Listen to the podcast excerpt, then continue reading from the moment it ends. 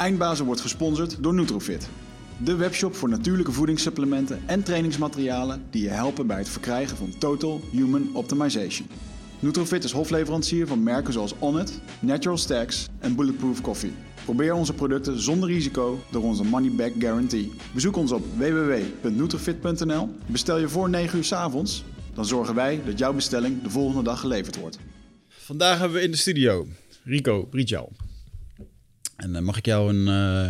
Uh, ik werd gebriefd door uh, onze gastenboeker. Die stuurt altijd mooie beschrijvingen. Als een, mogen we jou een, een veiligheidsadviseur of een antiterrorisme adviseur noemen? Ja, ik hoor in, in de media altijd verschillende titels krijg ja. ik. Maar het meest terugkomend is veiligheidsexpert, adviseur, terrorisme deskundige, dat soort dingen. Hoe wil je genoemd worden? Ja, dat is daar. Nou, zullen we gewoon Rico doen? Nee, nee. Nee, ja, ik, weet je, ik ben een, een ondernemer die zich, uh, die zich gespecialiseerd heeft in het, in het veiligheidsspectrum. Uh, en uiteindelijk ben ik me gaan focussen op ondernemen. Maar uh, ja, ik heb wel veel kennis over het, het gebied ja. veiligheid, zeg maar. Een van de eerste dingen die me daarbij te binnen schoot is, uh, nou, we zijn onlangs uh, wat vaker uh, in, in aanvaring gekomen met, met jullie soort. het zei, klinkt alsof we recentelijk gearresteerd zijn, by the way. nou, het zei DSI, voormalig BBE'ers en Marshof heren. Binnenkort gaan we naar het Korps Commando troepen. Volgende week, jongens, 19e mag ik erheen. Om even te kletsen wat we kunnen doen. Dus we hebben een lijstje met wat we willen laten ontploffen. maar in ieder geval, um, um, en ook pratende met die gasten... Uh, en natuurlijk ook wel de verhalen horen. Uh, vraag ik me steeds vaker af. Loopt de BV Nederland, want zo wordt erover gesproken, loopt de BV Nederland nou daadwerkelijk echt wel gevaar ergens?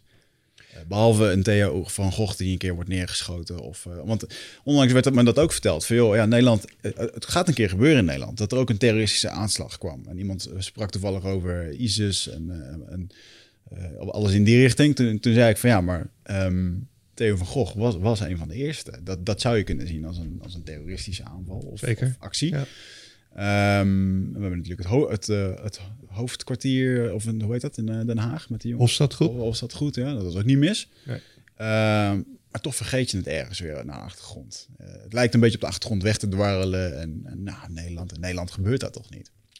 Nou ja, wat je nu zegt zijn eigenlijk twee hele belangrijke dingen. Je hebt het over de BV Nederland, loopt die gevaar? En daarna ga je het hebben over je, uh, je eigen gevoel. Ja. Nou, dat is de discussie waar we heel vaak in, uh, in verzanden. Dat uh, de BV Nederland loopt wel degelijk een, een behoorlijk risico. Als je gaat kijken waar wij aan meedoen, welke vredesoperaties of welke oorlogsmissies we allemaal uitgevoerd hebben, waar we actief zijn. Daar zie je dat daar veel, dat, we, dat we daar best wel een, een, een footprint hebben in de wereld. Ja. Dus de BV Nederland aan zich, uh, als een locatie waar terroristische groeperingen het op gemunt hebben, zeker. Maar ga je kijken naar individueel perspectief, ja, dan loop je als individu een minimale kans om bij een aanslag betrokken te raken. Ja. Dus als je gaat, uh, die beoordeling van veiligheid is heel subjectief. Ga je dat nou doen uh, vanuit je persoonlijke beoordeling? Maar je moet een landelijk spectrum gaan bereiken uh, qua veiligheid. Ja, dan ga je, daar gaat het mis. Dus wat je veel ziet is dat bedrijven of ondernemers of eigenaren of, of gemeenten, burgemeesters of mensen die verantwoordelijk zijn voor de veiligheid van een gemeente, die gaan vanuit hun eigen perceptie gaan zij veiligheid benaderen. En dan krijg je dus een heel subjectief gegeven. En daar kan nog heel veel winst gehaald worden. Maar de BV Nederland aan zich, uh, ja, die loopt uh, zeker risico. En daarom is ook het dreigingsniveau nog steeds substantieel. Ik moet het toch even vragen, wat bedoelen we als we zeggen BV Nederland? Gewoon Nederland als zijnde commerciële entiteit? Of zeggen we binnenlandse veiligheid in Nederland? Ik, ik ken de term even niet. Nou ja, ik, het Nederland als, als geheel, zeg maar. En, en, Nederland heeft een aantal belangen. Een, een BV of een, een commerciële uh, entiteit heeft ook belangen. En die belangen kunnen geschaad worden door een terroristische aanslag. Commerciële ja, belangen tot en met uh, bijvoorbeeld zelfs de expats die hier wel of niet naartoe uh, reizen. we krijgen aanvragen vanuit de Verenigde Staten. Mm -hmm. Daar denken ze echt dat het hier een soort van oorlog is. Ja. Het is echt bizar om de perceptie van hen te zien hoe dat in Europa nu gaat. Na de aanslagen in Frankrijk, België enzovoorts. Ja. Ja. Waar komt die perceptie vandaan? Want dat is natuurlijk alles behalve werkelijkheid. Media. Nee, wat, de, de werkelijkheid, dit is ook, dit, ook dat is weer subjectief. Uh, kijk, als je in de Verenigde Staten gaat kijken naar een uh, kruispunt waar uh, 15 politieagenten staan, zeggen zij in de Verenigde Staten, zeggen ze, oh, is veilig daar. Mhm. In Nederland kijken we naar hetzelfde kruispunt en denken, oeh, er staan 15 politieagenten, we moeten daar wegblijven, want het is niet veilig. nou, dus die perceptie is, eh, waar dat mee te maken heeft, heeft me, hoe, ga je, hoe kijk je naar een risico? Een risico, dat is een, eh, de formule is dan eh, kans maal effect is het risico. Kans is, wat is de waarschijnlijkheid dat het gebeurt? Hè? Hoe groot is die kans? Uh, en het, uh, het effect is, wat kan er uh, voor gevolgen aan hangen als het zich manifesteert? In Amerika kijken zij naar uitsluitende gevolgen. Dus als er een gevolg is van een actie, een, een, een, een handeling van een terrorist, een brief die opgestuurd wordt en er is een negatief effect, zeggen zij, dan moet je er wat aan doen. Hoe klein de kans ook is. Mhm. In Nederland draaien we het om. Want wij hebben niet onuitputtelijke geldbronnen. Dus wij zeggen, we kijken ook, laten de, het element kans laten we heel zwaar meewegen. Als de kans nou heel klein is, dat iets heel slechts of heel negatiefs gebeurt. Ja, dan zeggen wij in Nederland van ja, gaan we toch op de kans zitten. Mhm. Nou, en daar ontstaat een verschil in perceptie, in veiligheid. Grappig, hè? want als, we, uh, als je het dan weer vergelijkt met hoe wij onze dijken verstevigen. Ik zag dat laatst, hadden we, wie hadden we daar hierover in de studio? Dat in Amerika als we kijken naar de kans op een tornado uh, 1 op 100 is of zoiets, dan pakken ze, ik geloof slechts voor 30% iets aan, omdat, het, omdat het, maar het kan gebeuren. En in Nederland zitten we gewoon ver over die, het kan gewoon bijna niet gebeuren, als het ware. Mhm. Mm -hmm. dat is voor ons, maar dat is voor ons wat niet veilig voelt. Een dijk die door kan breken. Ja. Omdat het natuurlijk veel dichterbij dat, dat snap ik beter trouwens. Laatst stond ik ergens, ik weet niet meer waar, bij een van de gemeentehuis. En dan liet zien hoe ver je onder NAP stond Ja. op dat punt. Ja. Min 6 of zo. Ja. Echt zo. Oh, oké. dus op zo. Oh, oh. Ik snap dijken ineens een stuk beter. Ja. Nee, die snap ik wel. is wel- ja, het is wel lokale perceptie inderdaad. Ja. Ja, maar het is ook referentiekader. Hè? Als jij in een orkaan hebt gezeten en je bent in je huis en haard al voor de tweede keer kwijtgeraakt, dan ga je er anders mee om dan iemand die eh, in Washington eh, Ja. eh, in de binnenstad woont. En, eh, en als we hier kijken, de mensen die. Ja, de mensen die overlast hebben van het water, dan kijken we even naar eh, rondom de Maas en zo, die daar overlast van, eh, van zouden kunnen hebben. Die kijken heel anders dan wij hier in, eh, in Amsterdam. Terwijl het een risico misschien wel vele malen groter is hier. Ja, ik woon letterlijk vijf meter van zo'n dijkje af. Ja. Dus als dat, als dat ooit zou doorbreken, dan... sterker nog, ik geloof dat eh, de dijken rondom het gebied waar ik woon, bij Oude Kerk... ehm, die werden gebruikt als een soort van defensief tegen de Spanjaarden. Dat als de Spanjaarden destijds eh, bij ons zouden doorbreken... en ze wilden doortrekken naar Amsterdam... dan zetten we gewoon alles onder water. Dus je kunt ons krijgen, maar dan wel nat. En Ja. dat is echt een supergoeie strategie, weet je wel. Oh, dat is een beetje de trots in Deventer ook. Daar hebben ze de waterlinie liggen. Dat was Ja. een van de plannen als de Russen zeg maar eh, niet helemaal in de Tweede Wereldoorlog het netjes hadden gedaan. Daar waren ze op voorbereid dat ze misschien maar zo eens een stukje land mee zouden kunnen pakken.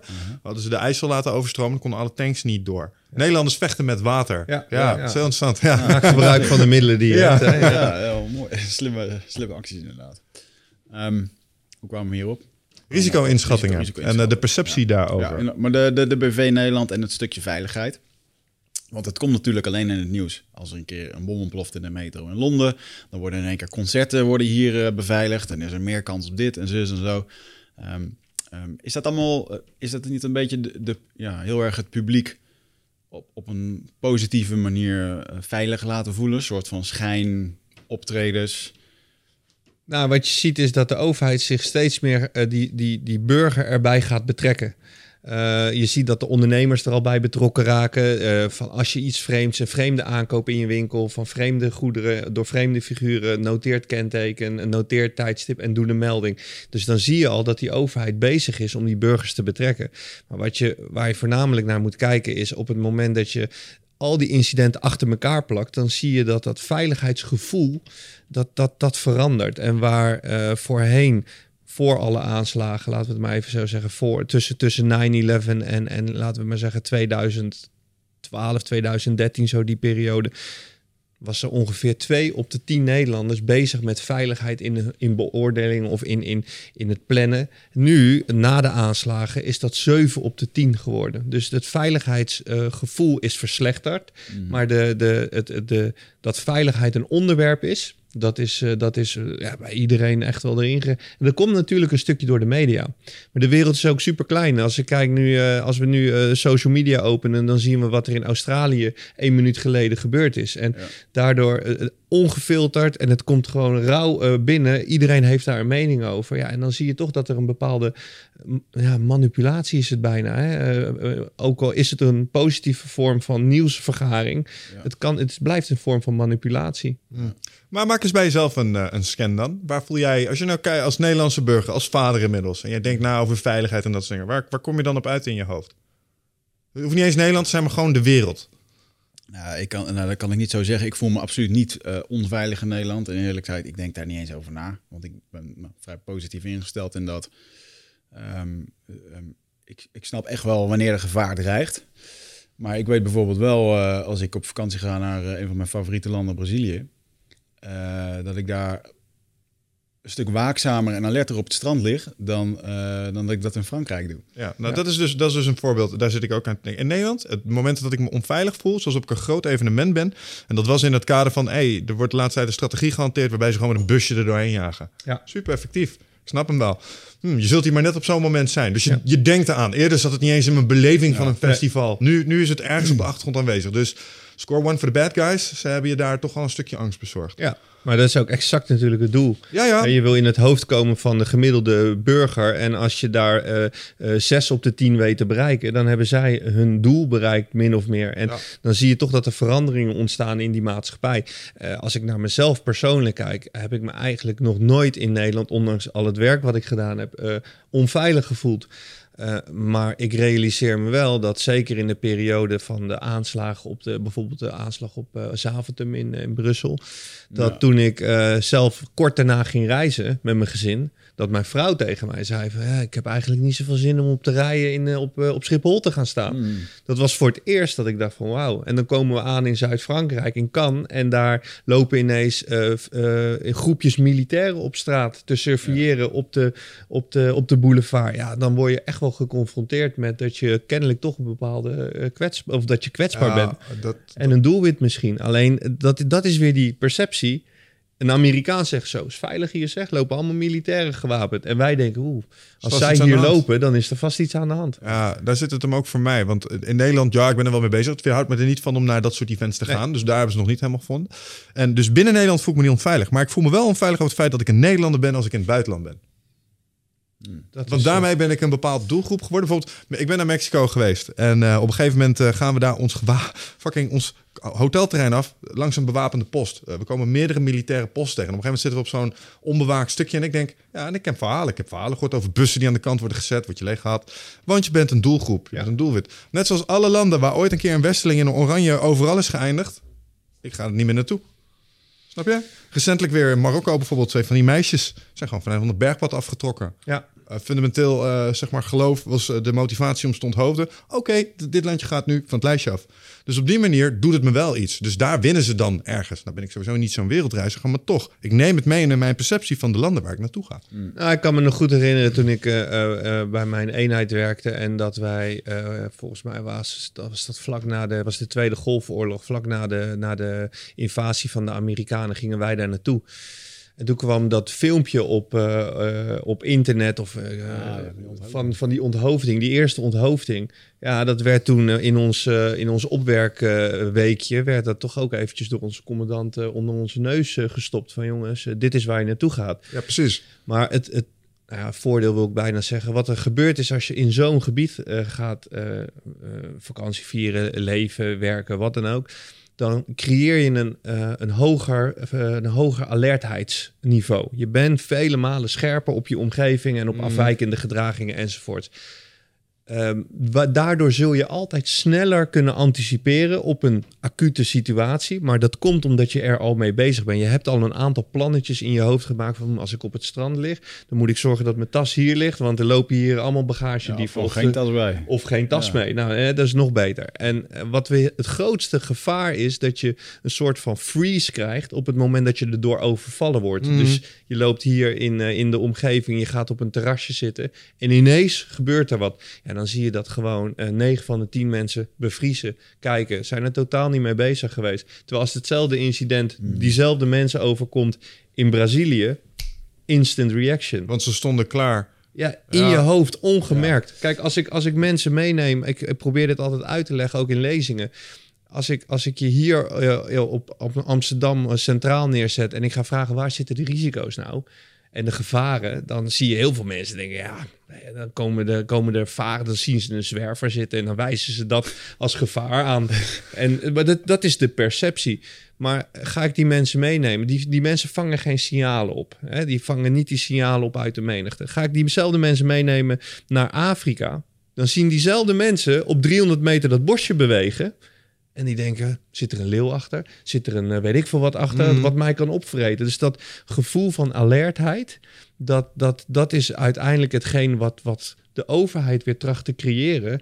door die burgers erbij te betrekken. Dat Ja. is, wat, dat is wat, het, wat het oplevert. Ik heb daar wel een, eh, een- een vraag over. Toevallig, Sam Harris. Eh, die heeft in zijn podcast, dat is een podcast over filosofie en over eh, neurologie en dat soort dingen. Die heeft een hele podcast op een gegeven moment gewijst aan eh, veiligheidsbewustzijn en met name active shooter situations. Iets waar je in Amerika nog wel eens mee te maken krijgt. Deed me denken aan wat je net zei, er gebeurt iets, mensen bevriezen. En zijn ding was, ja luister, ik ga je een paar dingen vertellen en nu je ze weet kun je ze nooit meer niet weten. Dus als jij in een situatie zit waarvan je denkt, hm, dan ga je deze dingen doen. In active shooter situations zijn er optimale protocollen om je veiligheid Ja. te garanderen. Ehm, wat zijn dingen die je, en in Nederland is dat misschien iets minder relevant, maar misschien ook wel. Wat zijn dingen die je elke Nederlander in zo'n geval wel eens tussen de oren zou willen zetten? Van, oh nou, als we het hier dan toch over hebben, stel je zit op dat terras, of je staat bij een festival en ineens gebeurt er iets. Wat ga je doen? Nou, ik denk dat het eh, dat, dat ik heb deze vraag wel vaker gehad. En wat ik dan altijd uitleg is: ehm, waar hangt het nooduitgangbordje? Dat is gewoon zo'n simpele vraag. Eh, we hebben 50, 60, 70 borden, signalen die we op ons afgevuurd krijgen. We kijken er niet eens meer naar.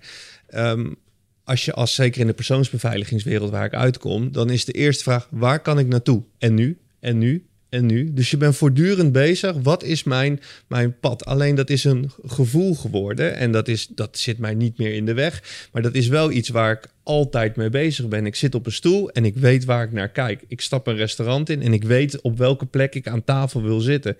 Niet omdat ik eh, me anders slecht voel, maar ik merk wel dat ik onrustiger ben. Maar dat is hoe ik gevormd ben. Ja, ik snap het. En mensen, eh, de grote menigte kun je bijna niet vormen daarin. Het enige wat je ze wil eh, meegeven is wees bewust waar je naartoe kan. Dat is het enige wat je, wat, je, wat je wil. Je wil weten, als het misgaat, waar kan ik naartoe? Meer niet. Dus als Wigert straks zo'n achter jou doet, dan is het peel, daardoor de...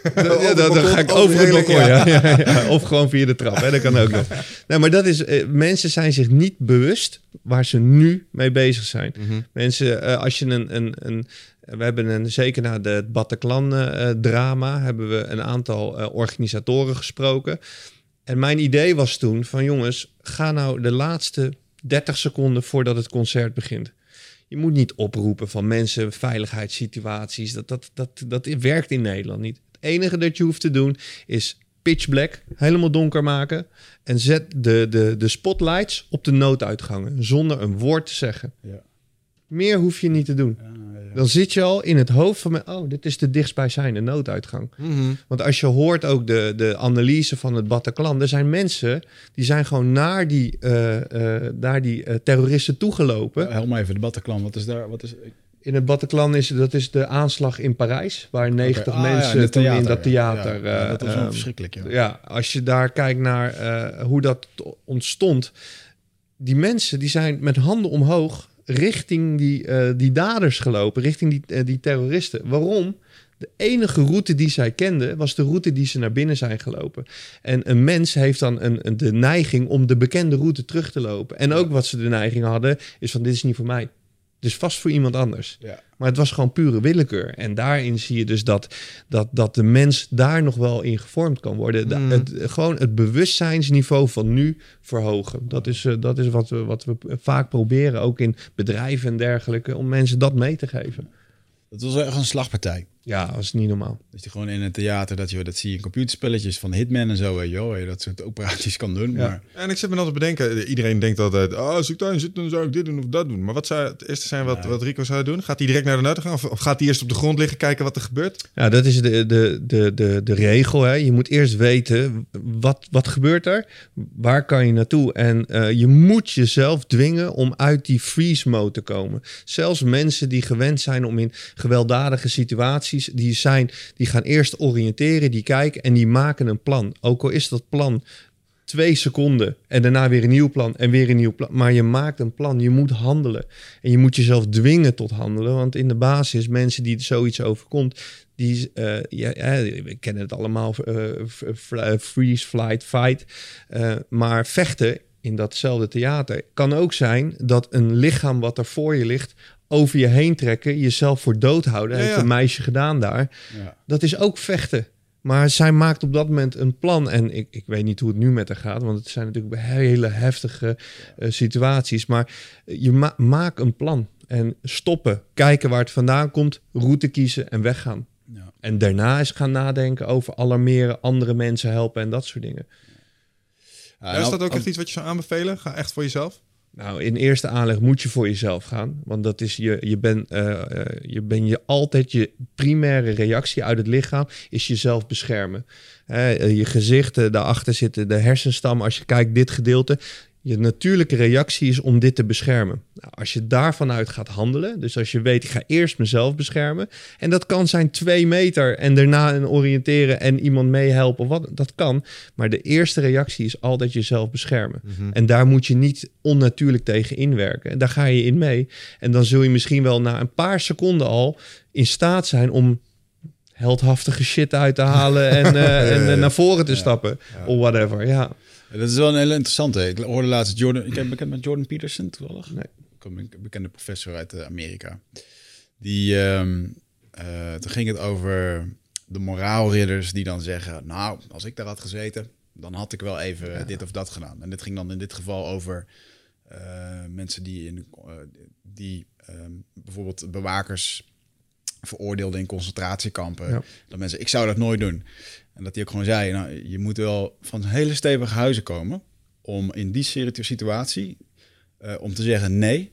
Als vervolgens jouw familie wordt afgeslacht omdat jij nee zegt en, uh, en iedereen alles om je heen, alles wat je lief hebt wordt je afgenomen en vervolgens ga je er zelf aan ben een hele flinke kerel als jij zegt dat je het niet doet. Ja, maar ik vind dat sowieso heel vaak hoor je uh, uh, mensen hun perceptie mm. als de waarheid verkondigen. Ja, en dat is gewoon niet de realiteit. De realiteit is dat iedereen zijn eigen perceptie heeft. En zeker op het gebied van veiligheid is dat niet goed of fout. En de, de, de, de beïnvloeding die je kan ervaren van een omgeving, van mensen, van een situatie Mensen hebben helemaal geen idee. We zien dat ook veel in die oorlogsgebieden. Je komt een oorlogsgebied in uh, met uh, bleu, met blije ogen. En je ziet die foto's wel eens van die, van die Amerikaanse militairen... die dan, die dan gefotografeerd worden voor, tijdens en na. Ja. je ziet gewoon wat dat met mensen doet. En in zo'n gebied, daar ben je gewoon heel anders. Daar zit je op een ander geweldsniveau. je doet dingen die je nooit, nooit voor, voor, voor in gedachten had gekomen... dat je dat in je, in je, in je thuisomgeving zou doen. En toch doen, doen die mensen dat daar. Dat is gewoon bizar. Dus je wordt daarin op een bepaalde mate gewoon meegenomen. En de mensen die zeggen, ja, ik zou dat nooit doen, die, eh, weet je, dat is, uh, ik uh, hoor je het ook wel, als ik, uh, ja, Rico Verhoeven, ja, voor een, voor een ton stap ik die ring wel in. Dan denk ik van, nou, tot je daar dat loopje moet doen tussen dat publiek door en naar die ring toe moet lopen. En dan staat het monster staat tegenover je, waarvan je weet dat die, dat die je binnen twee tellen tegen, en, en die mensen zeggen, ja, ik zou voor een ton stap ik er zo in. Het mooie is dat voor een ton zouden ze het wel doen, maar als je het echt zou willen doen, dat betekent dat je de eerste 30 keer je neus aan de andere kant laat slaan voor 150 euro. Laat staan, misschien moet je nog wel inschrijfgeld betalen. Ja. Voordat je mensen echt mag pijnigen voor geld, weet je wel. Nee, maar er is heel weinig respect voor mensen, hun mening op het, dit soort gebieden, hè, op het gebied van veiligheid. En wij zitten daar zo aan de andere kant. Het is, de mening is gewoon jouw mening en daar moet je op verder werken. Ah, ik vond, uh, ik, ik, heb een mooi boek gelezen van zo'n, uh, ik geloof zo'n, zo'n monnik die in... Uh, ik dacht dat hij in Vietnam woonde. Nintatat of zoiets. Heeft iets van een mooi boek geschreven over communiceren. Geweldloze communicatie en, en compassie. En toen waren er een keertje aanslagen geweest in, in Azië. En toen hadden de kranten hem gevraagd, de media had gevraagd van... oké, wat moeten we nu schrijven? Van, er is een aanslag geweest en toen zei hij... je moet gewoon, je moet eigenlijk een artikel schrijven... wat zich zodanig inleeft in die terroristen... dat men er nog begrip voor krijgt ook wat ze hebben gedaan. Want ja. eigenlijk is dat wat ze willen. Ze willen gehoord worden, ze willen gezien ja. worden. En als je dat continu zou blijven doen, uh, dan, uh, dan is dat hetgeen wat uiteindelijk een soort van uh, tot vrede zou moeten komen. Het is natuurlijk heel kort door de bocht. Maar um, hetzelfde met die jongens die mensen onthoofden voor de camera. wij vonden het verschrikkelijk, de wereld was een shock. Die gasten kregen een lintje. Ja. En die voelden zich, eh, die gingen naar bed als de kampioen. Ja, maar als je dan de lijn van onze eh Vietnamese guru doortrekt, zou het dan verstandig zijn om empathie te kweken voor die mensen? Zou dat, want hun, hun, eh, hun overtuiging staat zo haaks op die van ons. Dat, dat als je daar begrip voor kweekt, moet je eigenlijk je eigen stoelpoten onder jezelf wegzagen. want ze zijn het zo oneens met alles wat je doet. Dat, dat, je, dat het heel moeilijk is om je in te, le- eh, eh, in te leven in ze zonder dat je zegt, ja, eigenlijk hebben ze wel gelijk en zijn wij ook echt gewoon slecht. Ja, ik denk niet dat je het moet benoemen als zij hebben wel gelijk. Maar ik denk wel dat je het pad van zo'n eh, van zo'n terrorist, als je zeker zo'n Europees eh, eh, of een, een Nederlandse jonge, jonge man, die als je ziet hoe dat loopt. Ik heb een aantal lezingen gevolgd en het is best interessant om te zien dat die jongens al vanaf een hele jonge leeftijd eigenlijk weggeduwd worden door, door de maatschappij. En, eh, en als ik naar mezelf kijk, denk ik, ja, maak ik me daar dan ook wel eens schuldig aan? denk ik, ja, dan maak ik me eigenlijk... Want ik, ma ik plaats mensen ook in vakjes. Zodra het een bondkraagje heeft en een Gucci-petje, dan denk ik, oh... Ik, en ik, eigenlijk ga je dan het gesprek al niet meer aan. En je hebt hem al veroordeeld voor hoe die eruit ziet. Ja. En, eh, en dan zeggen mensen, ja, maar dan ga je de kant van racisme op. Eh, totaal niet, want eh, als ik naar mezelf kijk... ik ben bijvoorbeeld nog nooit racistisch bejegend. Tenminste, zo heb ik het nooit ervaren, laat ik het zo Mhm. zeggen. En dus ik denk, als ik dan daar naar kijk... die jongens die worden afgestoten, hun gevoel. Vervolgens gaan ze naar een groep kijken die hen aantrekt. Die groep heeft slechte gedachtes. En dan word, dan, natuurlijk word je dan vatbaar. Alleen eh, het punt van indoctrinatie en, en de mate van indoctrinatie, ja, daar zijn wij in Nederland gewoon best wel goed in. Om dat op een hele, in een heel vroeg stadium in de kiem te smoren. En weet je, eigenlijk komt het door de wijkagenten. Want de wijkagenten die weten precies wie de pappenheimers zijn en die weten precies. En die spreken die jongens aan en die halen er allerlei eh, instanties bij. Dus je kan ze vrij snel uit die anonimiteit halen. En dat is dan inderdaad echt Nederland waar, waar wij wonen. Ik zit toevallig zo'n serie te kijken op Netflix van, van de Mossad. Over eh, je. die oude directeuren die ze dan interviewen. En eh, het viel me daarin op dat eh, zo'n land... ja, Je, je bent daar gewoon opgegroeid met oorlog. En daar zit ook nog de hele eerkwestie eraan bij. En dat is op een gegeven moment ook hoe ze dan mensen recruteerden.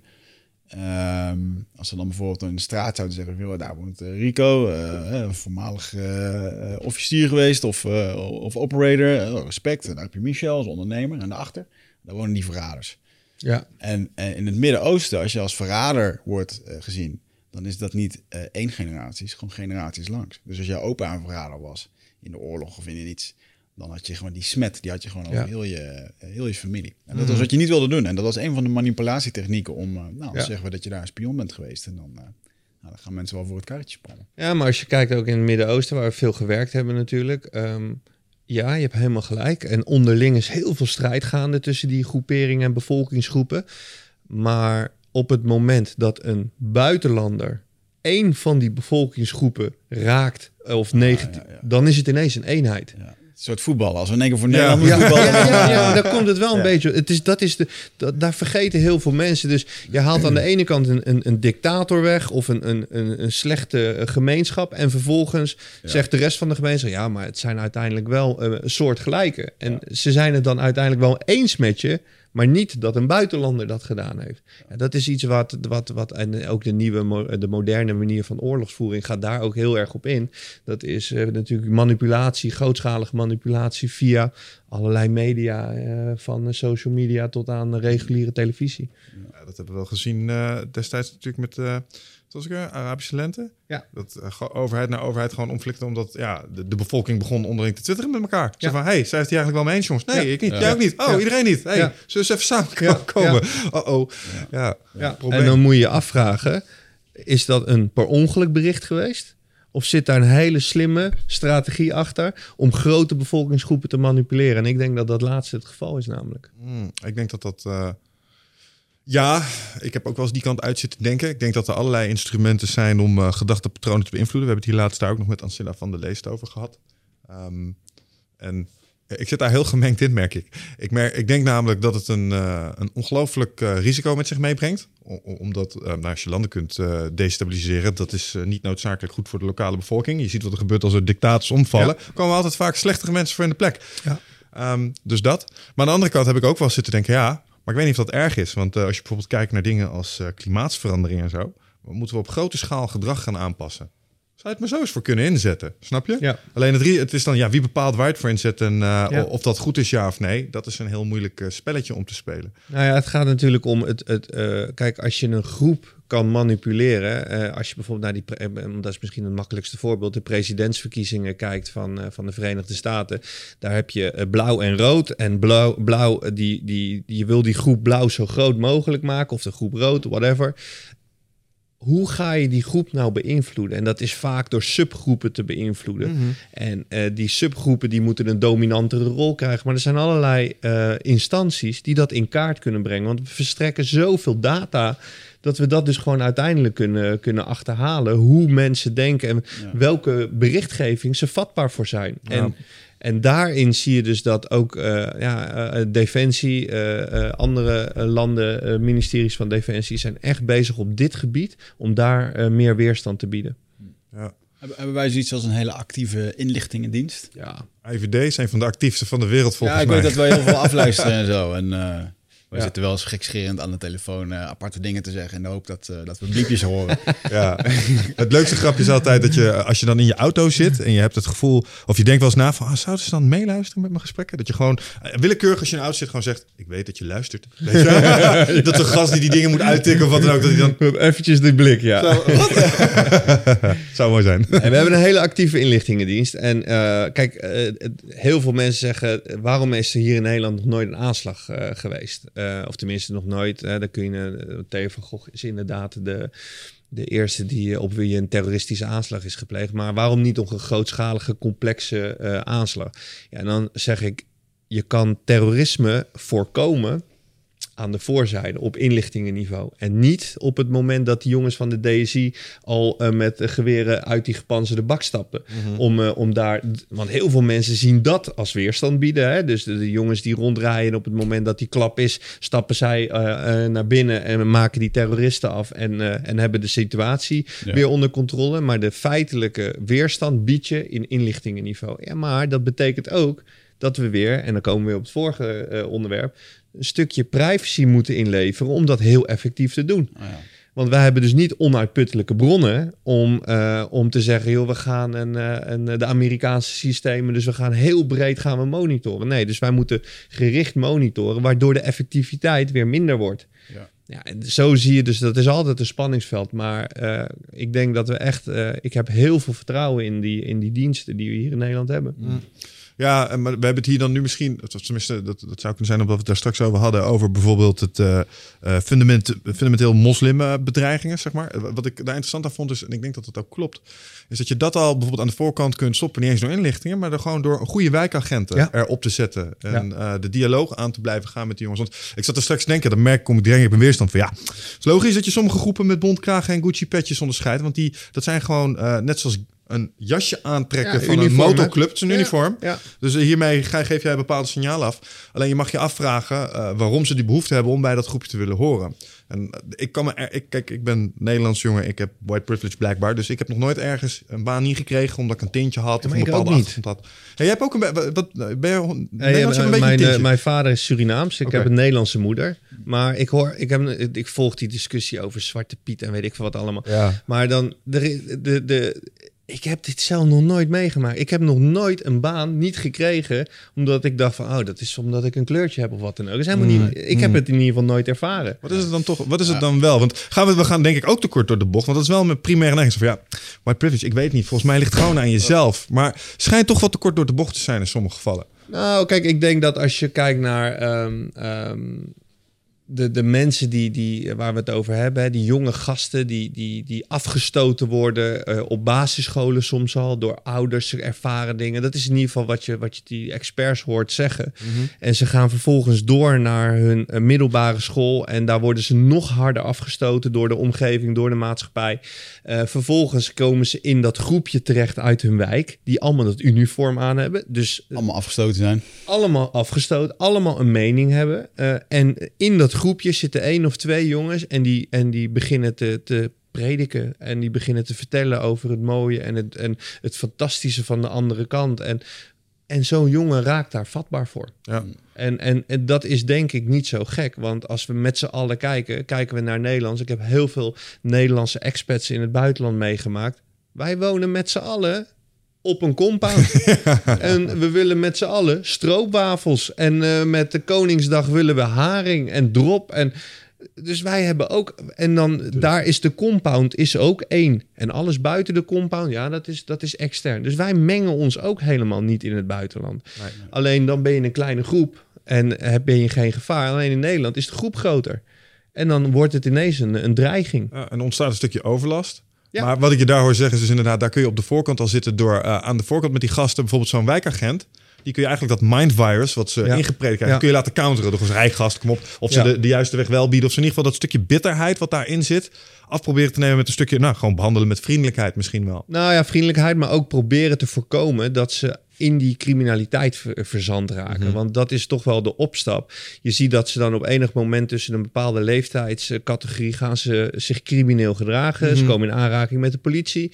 En ehm, vervolgens gaan ze eh, dat, dat, dat, die reinheid weer zoeken om dat weer goed te maken. En daar worden ze vatbaar voor Ja, die, voor ja, die ja, ronselaars. ja. Die zeggen, wil jij in het reinen komen? Kom er maar mee. Ik snap hem. En zo, en zo worden die jongens, oké, ja, en die willen weer herstel en, en weer, weer toegelaten worden tot groepen. En dan eh, zien ze uiteindelijk zien ze maar één uitweg. En dat is dan, nou, eh, whatever doen. Kijk, in Nederland eh, worden ze niet gerecruiteerd eh, in Amsterdam. En eh, drie weken later eh, plegen ze een aanslag. Dat, dat, dat is Nee, er zit een proces er tussen. zit echt een proces aan voor. Wat is dan het profiel van een, ehm, van een, van een terrorist? Ik zat me dat aan te, af te vragen, zeker nu ook ehm, met die, met die Marshof-gasten een dagje mee zijn gelopen. Ehm, heb je te maken met, als je bijvoorbeeld in Somalië te maken hebt met, eh, met, eh, met piraten. Als ik dat zo hoor, ik heb er best wel veel over gelezen en over gezien, dan denk ik, hmm, eh, dat gaat vooral op gewoon grof geweld, gepaard met een hoop angst. Terwijl je ook wel gewoon echt terrorist... Is een terrorist per se een genie?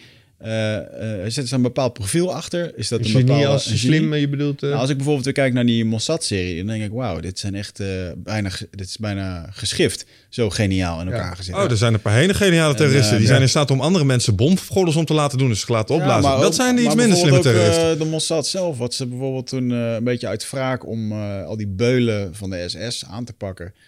Eh, want die gingen natuurlijk allemaal vluchten na die oorlog. Wat ze deden was de grootste raketwetenschapper. Die noemden ze ook de Beul als bijnaam. Die hebben ze op een gegeven moment gezegd van... hé hey, luister, eh, we willen jou graag in dienst nemen. Eh, we beschermen jou en dan zullen we je niet doden. En kan je voor ons komen werken. Dus die keren we helemaal, nou top. Maar dat was de hoogste pief op, op raketwetenschap. En die had toegang tot al die andere mensen. Dus al die anderen dachten in één keer, oh hij, nou dan komt het wel goed. En in één keer werden al die mensen werden één keer omgelegd, opgeblazen.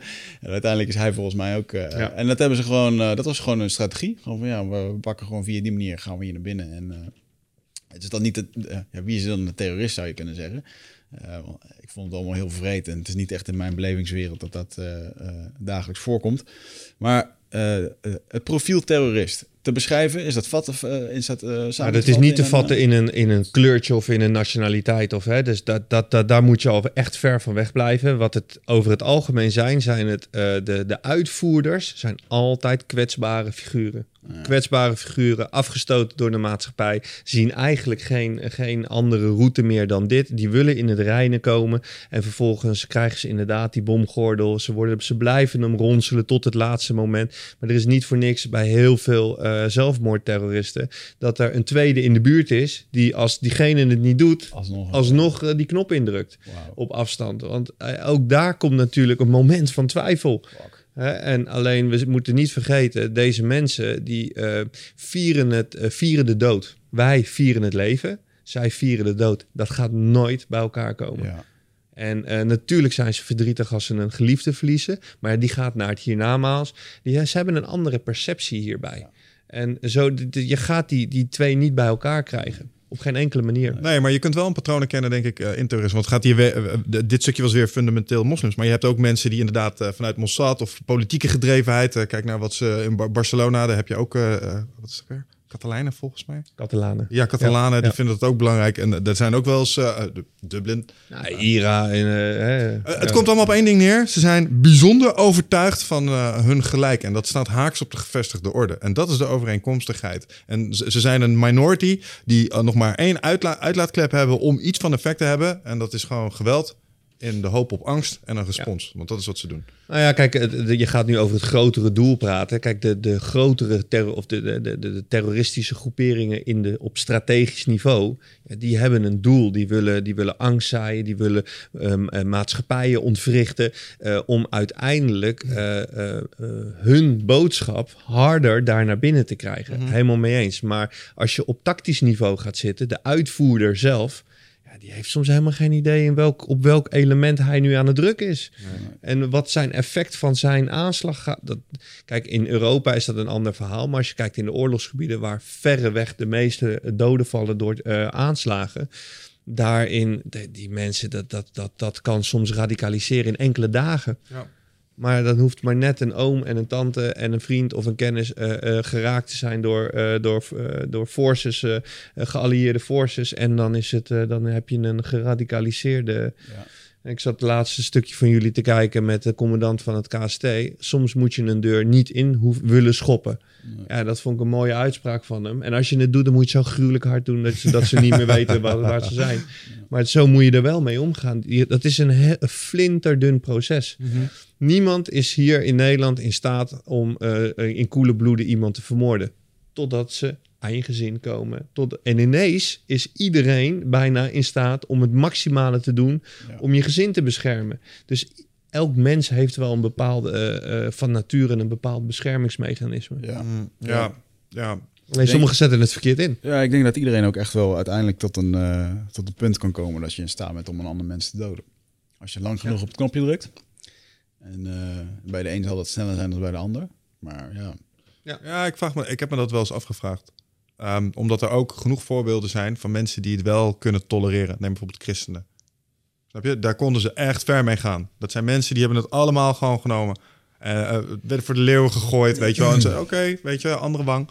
Dus, dus mensen kunnen het wel. Maar ik denk dat de primaire neiging wel is oog om oog, tand om Ja. tand. Dus dat maar dan kom je wel op een punt dat geloofsovertuiging is daarin echt, eh, zeker ik denk in de tijd waar jij nu over spreekt, dat was echt de geloofsovertuiging. Oh, maar een Christian Tan is nog steeds zo. Die hebben we hier ook gehad. Ah, op Die, die, zou niet terugvechten. Daar heb ik, het, heb ik het met hem over gehad. Ik zeg, wat is jouw gemeenschap nu? Ja, Ze worden tot- aangevallen. Wat eh, zou je doen? Ja, sorry. eh, de heer zegt, wij, we zullen de andere wang toekeren. Dus Ja, dat ja, maar totdat, totdat zijn familie wordt afgeslacht voor zijn ogen en dan mag kiezen of zijn zoontje of zijn dochtertje wordt neergeschoten. Ja, Oké, het is heel gruwelijk, maar ja, als- Ja, ja, Ja, maar dat is de keuzes vaak waar je, waar je mee, mee te maken hebt. En, eh, en eh, als je in de Afrikaanse continent ziet, dat is ook vreselijk barbaars soms. Alleen het is daar nog, mensen staan lijkt wat dichter bij, de, bij hun primaire zelf, hè, de natuur. Wij zijn zo geconditioneerd tegenwoordig hier in Europa.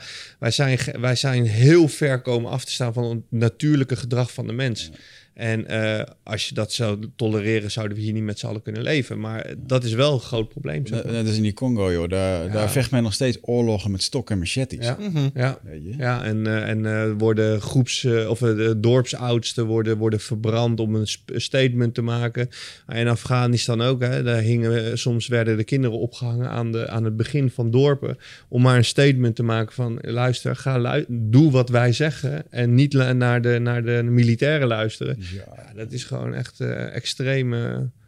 extreme het enige waar, daar hadden we het laatst van over. Het enige wat je daarvan in Nederland nog een klein beetje ziet, en dan kun je zien hoe ver wij daar vanaf zijn komen te staan, is op platteland doen ze dat soms met kraaien. Wordt kraaien afgeschoten, worden aan een pootje gewoon aan een stok gehangen. Zoals een waarschuwingsmechanisme, Ja, snap je? ja. En dat de- vinden we, voor de als je dat een gemiddelde Amsterdammer laat zien, denk je, oh, dat Wat kan je toch niet ja. doen, weet je wel? Dus ja, we zijn dat niet meer, eh, nee, we staan, dat we zijn we niet meer heel ver van de natuur. af. Ja, ja, ja. Hey, we hebben het nu heel veel gehad over veiligheidsissues als het ging om bijvoorbeeld eh, de terroristische dreiging vanuit de geloofsovertuigingen. Eh, wat ik ook wel interessant vind is eh, mede ingegeven onder andere door een jongen die we ook hebben gehad, die is crime reporter. Ja. Dus de misdaad. Ja. Ehm, want eh, als je dat aan eh, mensen vraagt die daar wat mee te maken hebben, nou, er zijn ook nog wel wat dingen in Nederland gaande op het gebied van uh, collarclubs. Eh, er is allerlei import vanuit eh, Rusland als het gaat om het criminele circuit. Eh, er zijn meerdere groeperingen, Oekraïne is hier druk en dat soort dingen. Eh, kun je daar eens iets over vertellen? Nou, kijk, ik denk dat je eh, ook daar weer moet kijken vanaf welke perceptie ga je kijken. Ga je kijken vanuit Nederland, dan eh, hebben wij een, eh, een strategisch ideaal locatie voor, eh, voor criminaliteit. Eh, we zitten daar in de verschillende gebieden. We kunnen als, als doorvoerhaven fungeren naar de, eh, allerlei verschillende landen door Schiphol en door de haven van Rotterdam. Maar op het, ja, dankjewel. Maar op het moment van, van dat je in een stad gaat kijken, waar hebben wij nou last van eh, met, met, met criminaliteit? Dat zijn niet die zware criminelen waar wij last van hebben. Wij hebben last van straatroven, wij hebben last van, eh, van winkelovervallen, we hebben last van inbraken. Dat is die high-impact crimes, daar hebben we last van. Ja, dat, dat is mede veroorzaakt natuurlijk doordat de grenzen gewoon wagenwijd openstaan. Eh, we kunnen ons eh, vrij bewegen door heel Europa heen. En je ziet dus dat die bendes niet alleen in Nederland act- actief zijn, maar in Duitsland, in België, in, in het noorden, in Scandinavische landen. Ze komen overal, eh, passeren ze, richten schade en ellende aan en gaan weer door. Maar eh, ik denk over het algemeen dat we eh, ook hier weer de veiligheidssituatie in Nederland echt wel redelijk onder controle hebben ten opzichte van andere landen. Mhm. Dat denk Ja. ik. Hmm. Ben je wel eens in aanraking gekomen met iets waarvan je dacht, oh, of dat je onveilig voelde als het ging om criminaliteit? In Nederland? Ja. Nee, maar wat me wel altijd bij is gebleven is dat eh, we hebben in Nederland die dude, die Alberto Stegeman. Die eh, een keertje verkleed ging als een eh backpackende toerist door Amsterdam. Met zijn camera en zijn, en zijn rugzakje om. En eh, met de verborgen camera. En toen dacht ik echt, wow, holy fuck, is dit Amsterdam? Dat, want ze weten precies wie er Hollands is of niet. Maar als je dat dus een beetje goed aankleedt, om de fucking vijf meter werd hij lastiggevallen. En, en onlangs werd ik een keertje getipt door iemand die zei, je moet deze man eens volgen. Er schijnt een of andere eh, ehm, amateur Ja. dude te zijn in Amsterdam die eh, kijkt naar mensen die aan het zakkenrollen zijn of winkeldiefstallen. Oh. Vindt hij leuk om te doen. Ja. Zet hij, maakt hij vlogjes van, gaat die mensen achtervolgen en die, die staat gewoon op straat en die zegt ja, daar een verdachte beweging. Die volgt ze en pap, hij heeft ze, weet je wel. Of het lukt ze niet en dan haalt hij de politie erbij en dan heeft hij een eigen YouTube kanaal van. Klinkt ook wel als potentieel gevaarlijk werk, by the way. Ja, ja maar echt gewoon... eh, Leuk zullen ze hem niet vinden. Nou, dus dat met die camera te filmen en te doen. En, en, en, en nu, als ik dan door Amsterdam loop, dan denk ik, ja, het is hier ook wel gewoon een fancy fair voor dat soort gasten. Ja. Je kunt gewoon, het is een loterij, weet je wel. Al die toeristen die Ja. geen idee hebben. En, eh, ehm, en, verder, ja, natuurlijk, we hebben allemaal een keer een inbraak of iets wat gestolen is meegemaakt. Maar Ja, ik heb ooit in een zakkenrollersteam gezeten op Schiphol. Ja, dat was eh, gewoon schering en inslag. Dat was gewoon twee, drie, eh, vier bagagediefstallen op een dag. En daar gingen ze dan, omdat het verzwaarde omstandigheden waren, omdat mensen ernstig gedupeerd zijn, reisdocumenten kwijt, eh, spullen kwijt voor hun reis, de, werden, gingen die gasten gingen gewoon zes maanden weg. ja, We werden echt hard gestraft als je op Schiphol gepakt werd met, Wauw. eh, met, eh, met zakkenrollerij of bagagediefstal. Eh, ik, ik heb dan zelf één keer iemand op laten pakken die dreigde met een pistool. Hè? Dat bij de supermarkt. Ja, heb ik dat wel eens verteld? Ja, toen zat ik in, in Utrecht. En op een gegeven moment, er werd een nieuwe supermarkt gebouwd. In Leidse Rijn was dit. En op een gegeven moment staat er een, eh, een auto voor me. Eh, die stopt in één keer. En de auto, ik weet niet, die, die reden haaks tegen elkaar. Of iemand snel elkaar af, weet ik veel wat. En er staat op een gegeven moment een Nederlandse gozer. Eh, die zit in zijn auto met zijn vrouwtje. En er stapt een, ja, ik moet het dan toch zeggen, een bu- buitenlands uitziende man. Die volgens mij wel, Midden-Oosten volgens mij, die stapt uit. En die heeft gewoon een, ja, een lap of een t-shirt. En die staat gewoon met zijn, alsof hij een pistool eronder heeft. Zegt hij, wat wil je nou man? Staat hij zo bij zijn portier. Dus ik zie die gast voor me. Die doet gewoon zijn handen omhoog. Die vrouw die begint helemaal te gillen. Die, die gaat uit de auto. En die zegt tegen mij van ja, bel de politie. Ze zegt, ik heb een telefoon, maar ik weet niet hoe het werkt. Nou, typisch voorbeelden van in paniek en gewoon geen idee meer. Ja. Dus ik zit erachter. ik denk, ja, fuck, ik moet zo naar mijn snowboardles. Moet dit nu? Dat deed ik toen, want ik ging op vakantie. Dus ik, eh, dus ik op een gegeven moment, ik bel de politie. Ik zei, ja, het staat hier gewoon... En het was heel grappig hoe dat ging. Dat ik zei, ja, er staat hier een dude en die bedreigt iemand anders met een pistool. En schijnbaar had ik... eh, eh, ik werd doorverbonden door de alarmcentrale met iemand direct in de auto. En ehm, die zat schijnbaar in de passagiersstoel. Eh, want die zat alles door te vertalen door naar die, die microfoon naar andere eenheden. Dus we hebben alleen een naar de Heijn. Heeft iemand een pistool? Ik dacht zo, oh nee, ik wil hier helemaal niet in zitten, weet je wel. Maar ik moest. En op een gegeven moment, die man zei, nou, we weten genoeg. We hebben zijn kenteken. En ik ben gewoon naar binnen gegaan. dus op het moment dat ik daar letterlijk voor het slaafvak sta, ik doe zo van die glazen deurtjes open, gaat mijn telefoon, anoniem nummer. Ik denk, oh, kut. Zo, ja. Ja, hallo met de politie. eh, we kunnen de verdachte niet vinden. Weet je waar die is? En terwijl ik mijn zak slaap pak en met die telefoon aan mijn hand sta... kijk aan mijn linkerkant, staat de kerel zijn aardappel in zijn- zakje te doen. Staat hier naast mij? Dus ik zo, ehm, ja, je staat hier eh, langs mij in Albert Heijn, aardappelen. Hij staat gewoon, ik hoorde via de microfoon, hij staat gewoon boodschappen te doen. dus, en vervolgens was het gewoon, ik had ook helemaal geen keus. Ja, hou in de gaten, blijf me volgen. Dus ik stond in die Albert Heijn ondertussen mijn boodschappen te doen. En ja, die kerel stond ook alles rustig te doen. En dan ging het letterlijk van, eh, wat is die nu aan het doen? Ik zeg, ja, hij, hij staat nu te pinnen, hij loopt nu naar buiten. Alleen, nee, hij komt nu naar buiten. En echt gewoon, ik denk dat ze met vier man daar stonden. Van die motoragenten die dan helemaal opgepompt Ja, ja, zijn. En gewoon met getrokken pistool werd hij onthaald. En eh, hij loopt de deur uit en er dook meteen drie man bovenop. Eh, zijn auto werd meteen weggehaald voor technisch... eh, want er mogen agenten niet zelf in gaan lopen neuzen... want dan zou er iets ingelegd kunnen worden of weggehaald kunnen worden. Ja. Dus die auto mag niet opengemaakt worden. Er, komt een, eh, een- er wordt, ja, wordt meegetakeld en wordt er- elders onderzocht. Ja, joh, wat, wat- dus dat is bij de... Ja, mijn Ook wel heel. Nederlands Ja. dit, zeg maar. Oh, iemand heeft een mogelijk vuurwapen en dan meteen vijf agenten erop. In Rusland gaan ze Ja. hier anders mee om. Nou, maar het, het, zet, het zette me wel heel erg aan het denken. En bedoel, bij die Marshof had ik dat ook. Ik mocht dan de terrorist zijn. En, en het verbaasde me over. Ja, stel nou, ik kan echt wel ergens, eh, als ik denk ik, als ik heel veel moeite doe, dat ik ergens eh, een, wapen kan aankomen. Ja, dat is Eh, geen moeite hoor. En volgens mij, met internet en dingen, en weet ik veel wat. Misschien ook mijn oude, oude vrienden kan opbellen.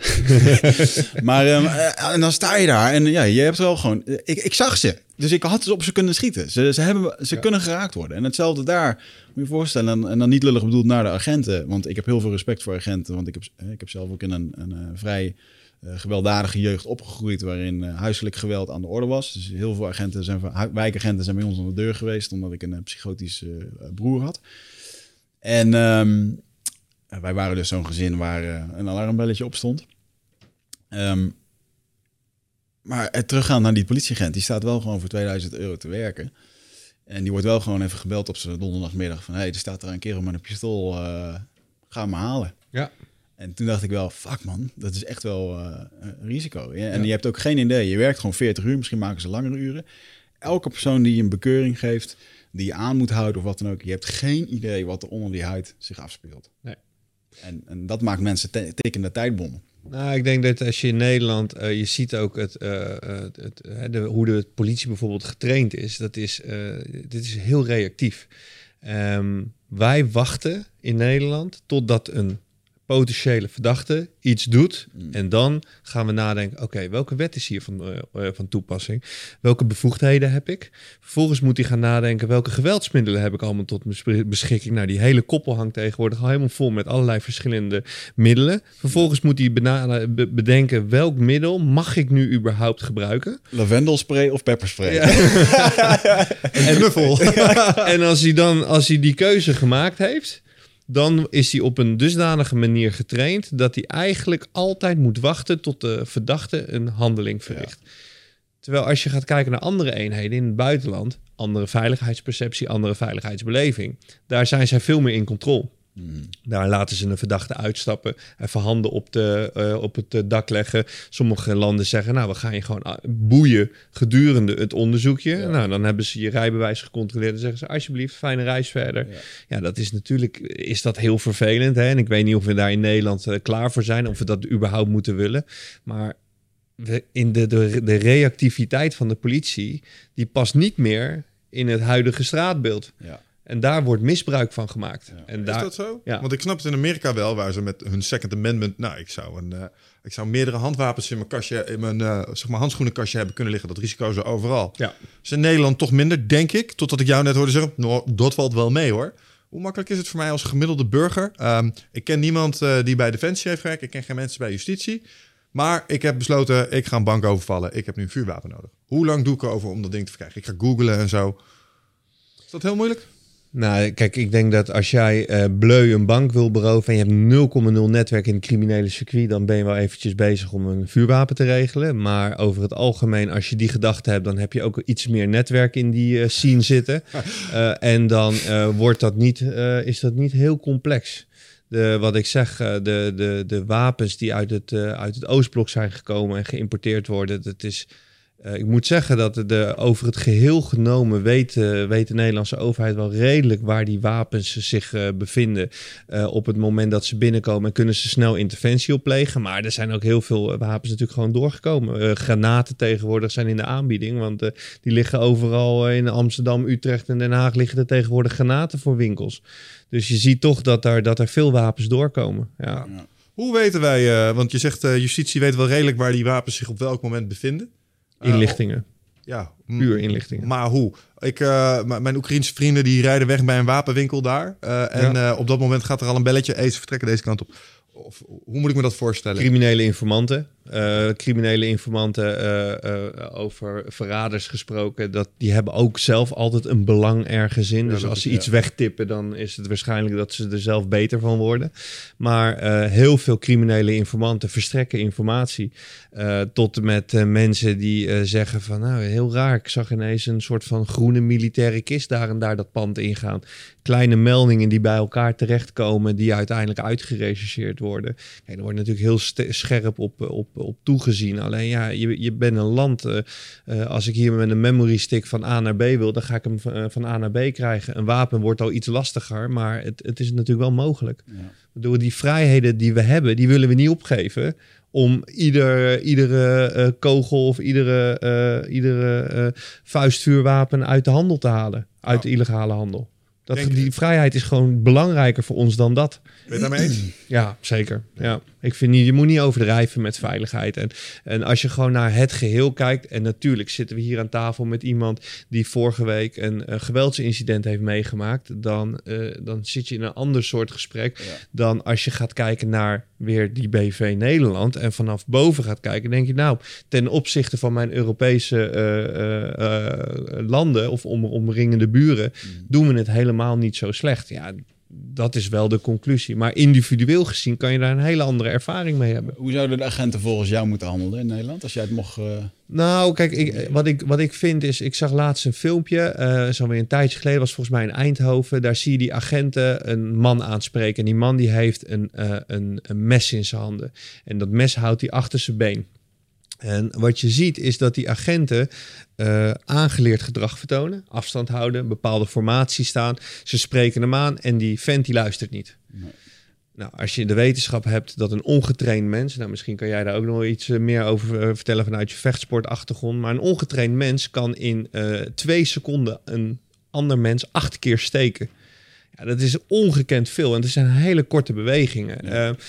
Wat ze doen is die afstand bewaren, veilige werkafstand creëren. Maar terwijl deze meneer nu alle gelegenheid krijgt om na te denken wat hij moet doen, wat hij wil doen. En uh, wat gebeurt daar? Uiteindelijk trekt hij het mes, begint achter die agenten aan te rennen. Een van die agenten krijgt een natuurlijke reactie en valt op de grond. En de andere agent die moet twee keer afdrukken. Schiet die gast neer. Ik weet niet of hij uiteindelijk overleden is. Terwijl een hardere interventie aan de voorkant, dus door gewoon meteen zijn armen te pakken, meteen even tegen die auto aan te drukken, nog niet zien dat hij een mes had, maar wel die controle op dat moment uh, pakken. Want ze gingen naar een melding dat iemand vermoedelijk met een mes daar rondliep. Ja, dan denk ik van jongens, weet je, natuurlijk wil je niet in een politiestaat terechtkomen. Maar op dat soort momenten pak die vent gewoon meteen ja. beet. Zeg, luister, ik pak je nu beet. Uh, maar we willen weten, heb je een mes bij je? Nou, controleer dat. Heeft u niet bij je? Nou, doe je die boeien af of laat je hem gaan en ga je het gesprek afmaken? Ja. Ik denk dat die agenten hebben alles goed gedaan, volgens de ambtsinstructie. Mm. Maar op het moment dat je gaat kijken naar als zij iets slagvaardiger aan de voorzijde hadden uh, gewerkt, hadden zij nooit hun vuurwapen hoeven gebruiken. Want het vuurwapengebruik voor die agent, uh, ja, die verdachte is het leidend voorwerp natuurlijk, hè, die ontvangt de patronen. Maar die agent die is ook voor de rest van zijn leven getekend. Ja.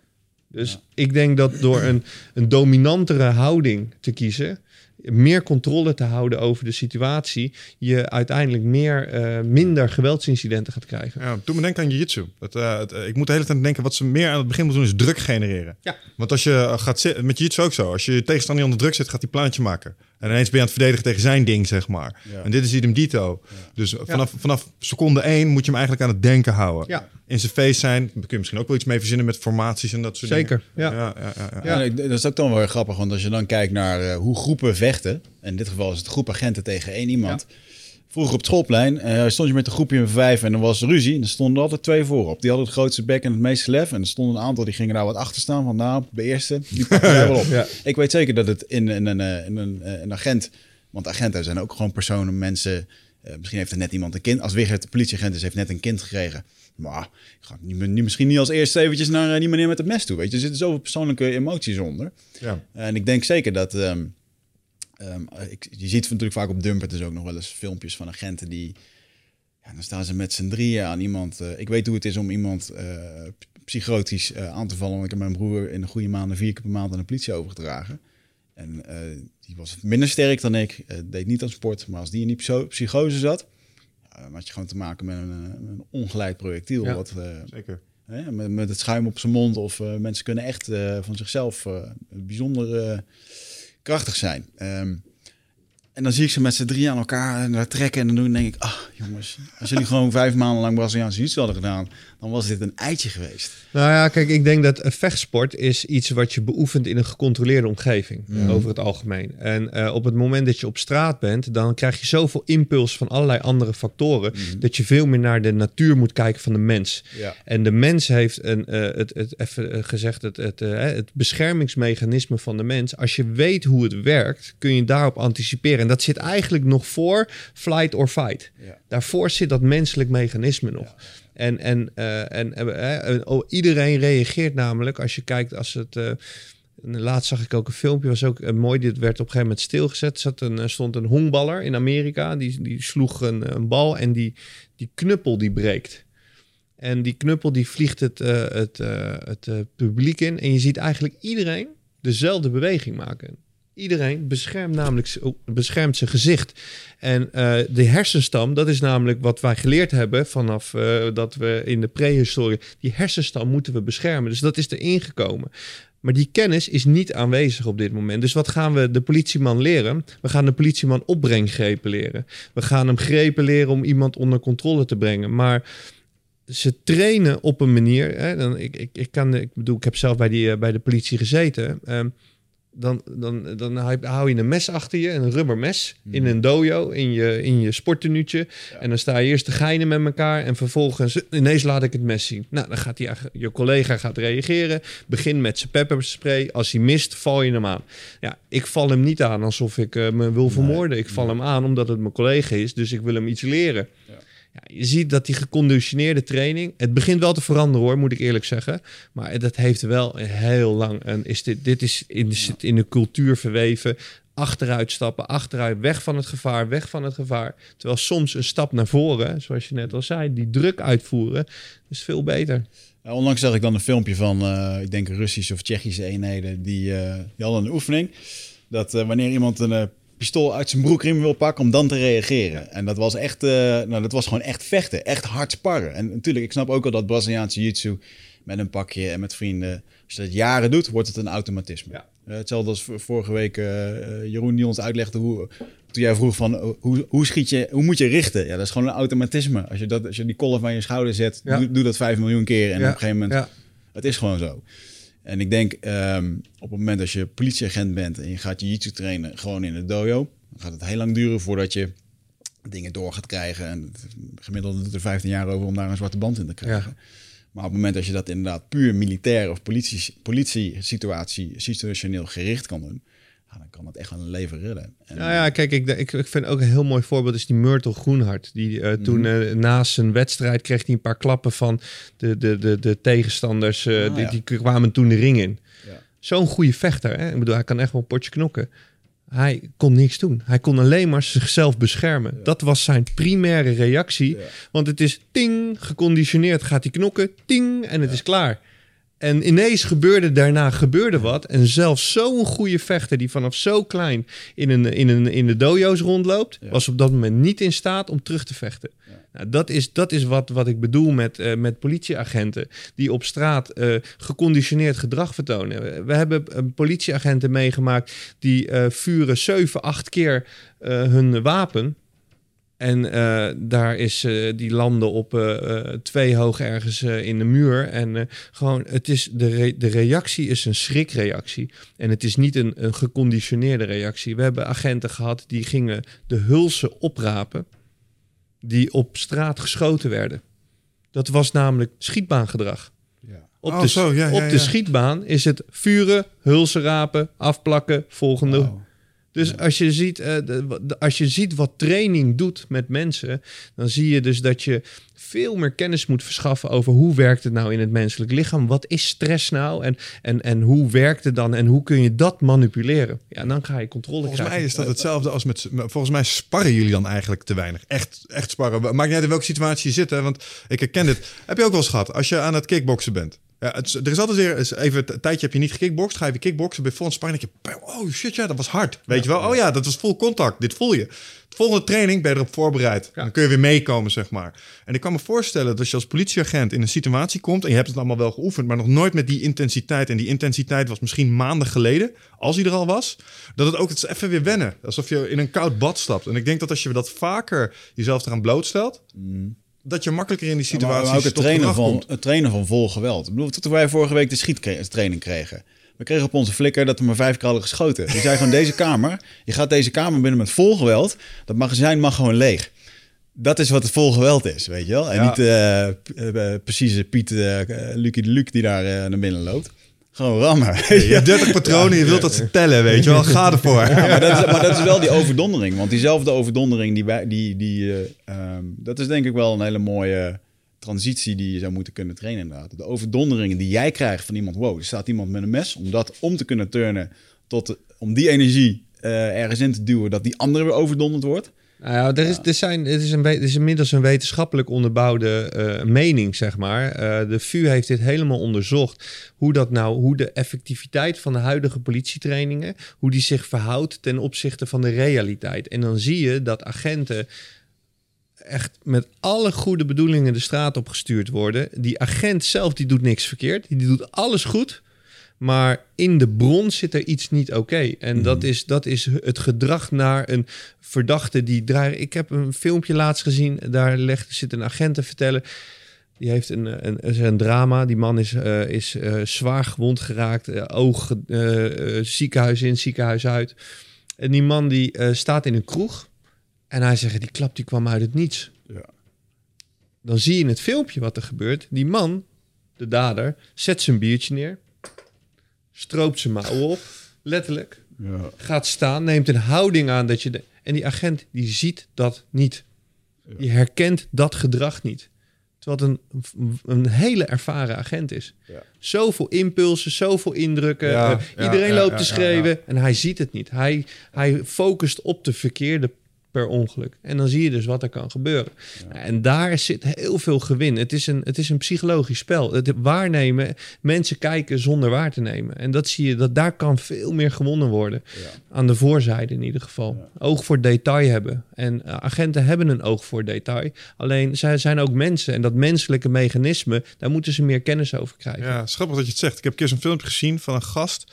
Die was mensen aan het boeien. En iemand uit het publiek die besloot op een gegeven moment... Oké, genoeg geweest. Ik ga dit fixen. En je, die volgen ze op een gegeven moment in het publiek. Je ziet hem op een gegeven moment... Oh, oké. Dus die, die gaat, je ziet hem verplaatsen naar een betere positie. Je ziet hem... Nee, nog even wachten. Oh, hij draait... Oh, pap, in één keer klapt hij hem eruit. Maar je zag iets in zijn demeanor. Zijn hele houding veranderd toen hij besloot... Oké, ik ga slaan nu. Ja. Toek, hij klonk om en je zag iets in zijn, in zijn houding, de manier waarop hij bewoog. En ik denk dat als je mensen kan trainen om dat gedrag te herkennen en daarop aan te gaan. Ja. Dus ook al zit het hier, maar je ziet die, die schouderdrop die iets betekent, dan denk je, oh, wacht even, hier gebeurt iets. Nou ja, dat is vaak, hè. Heel vaak hoor je mensen zeggen van... eh, van ja, ik, eigenlijk, eigenlijk wist ik het wel. Hè? Die zeggen dan achteraf van... Ja, ik, ik zag het aankomen. Maar wij zijn zo geconditioneerd weer...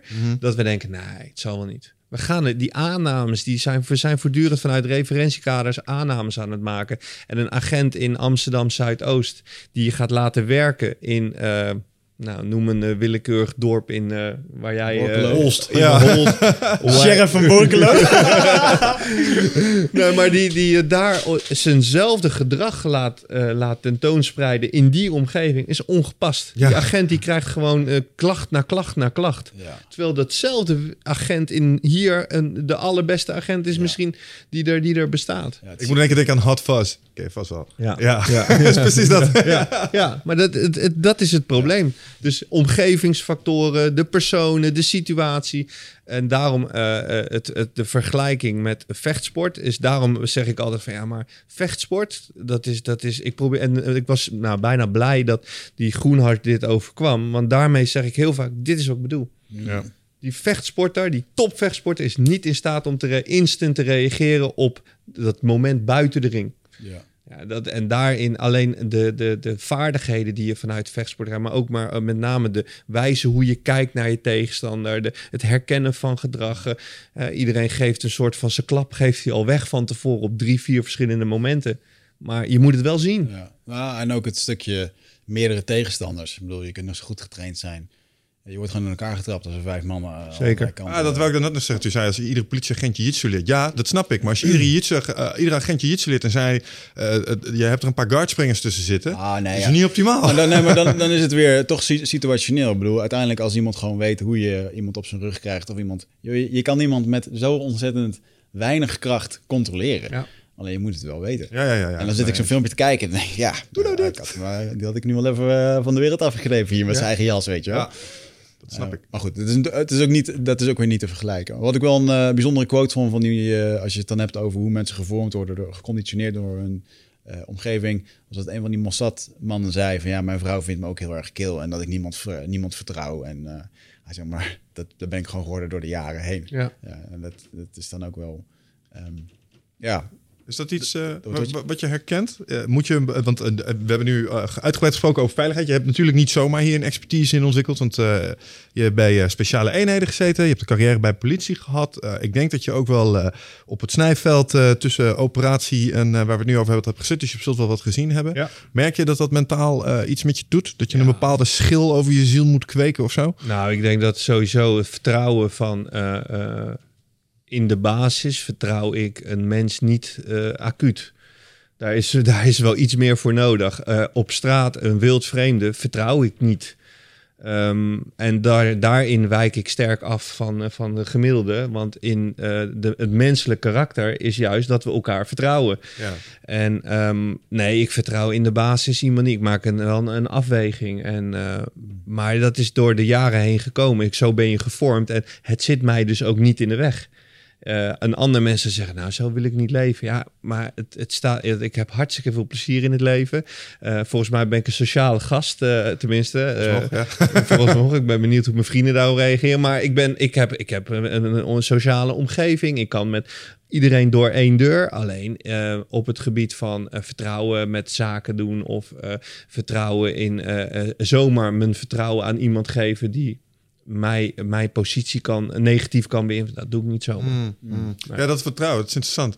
Laatst had ik er nog aan te denken. Reek over zo'n achterweggetje. dacht ik, wat nou als hier een auto aan de kant van de weg staat... en er staat iemand om hulp te vragen? Stap je dan uit? Zo'n standaard strategie die was. Wat doe jij? Stap je uit?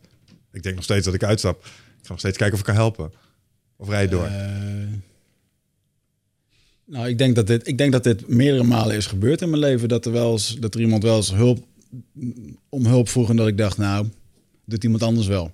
Oké. Nee, ja. ik denk, nou, laten we even, als iemand bijvoorbeeld, dat doe je al met een lifter die er staat bij een eh, benzinepomp, weet je wel. De, Even de gedachte die je hebt. Want hij staat er, je kan hem meenemen, maar je kiest ervoor om het niet te doen.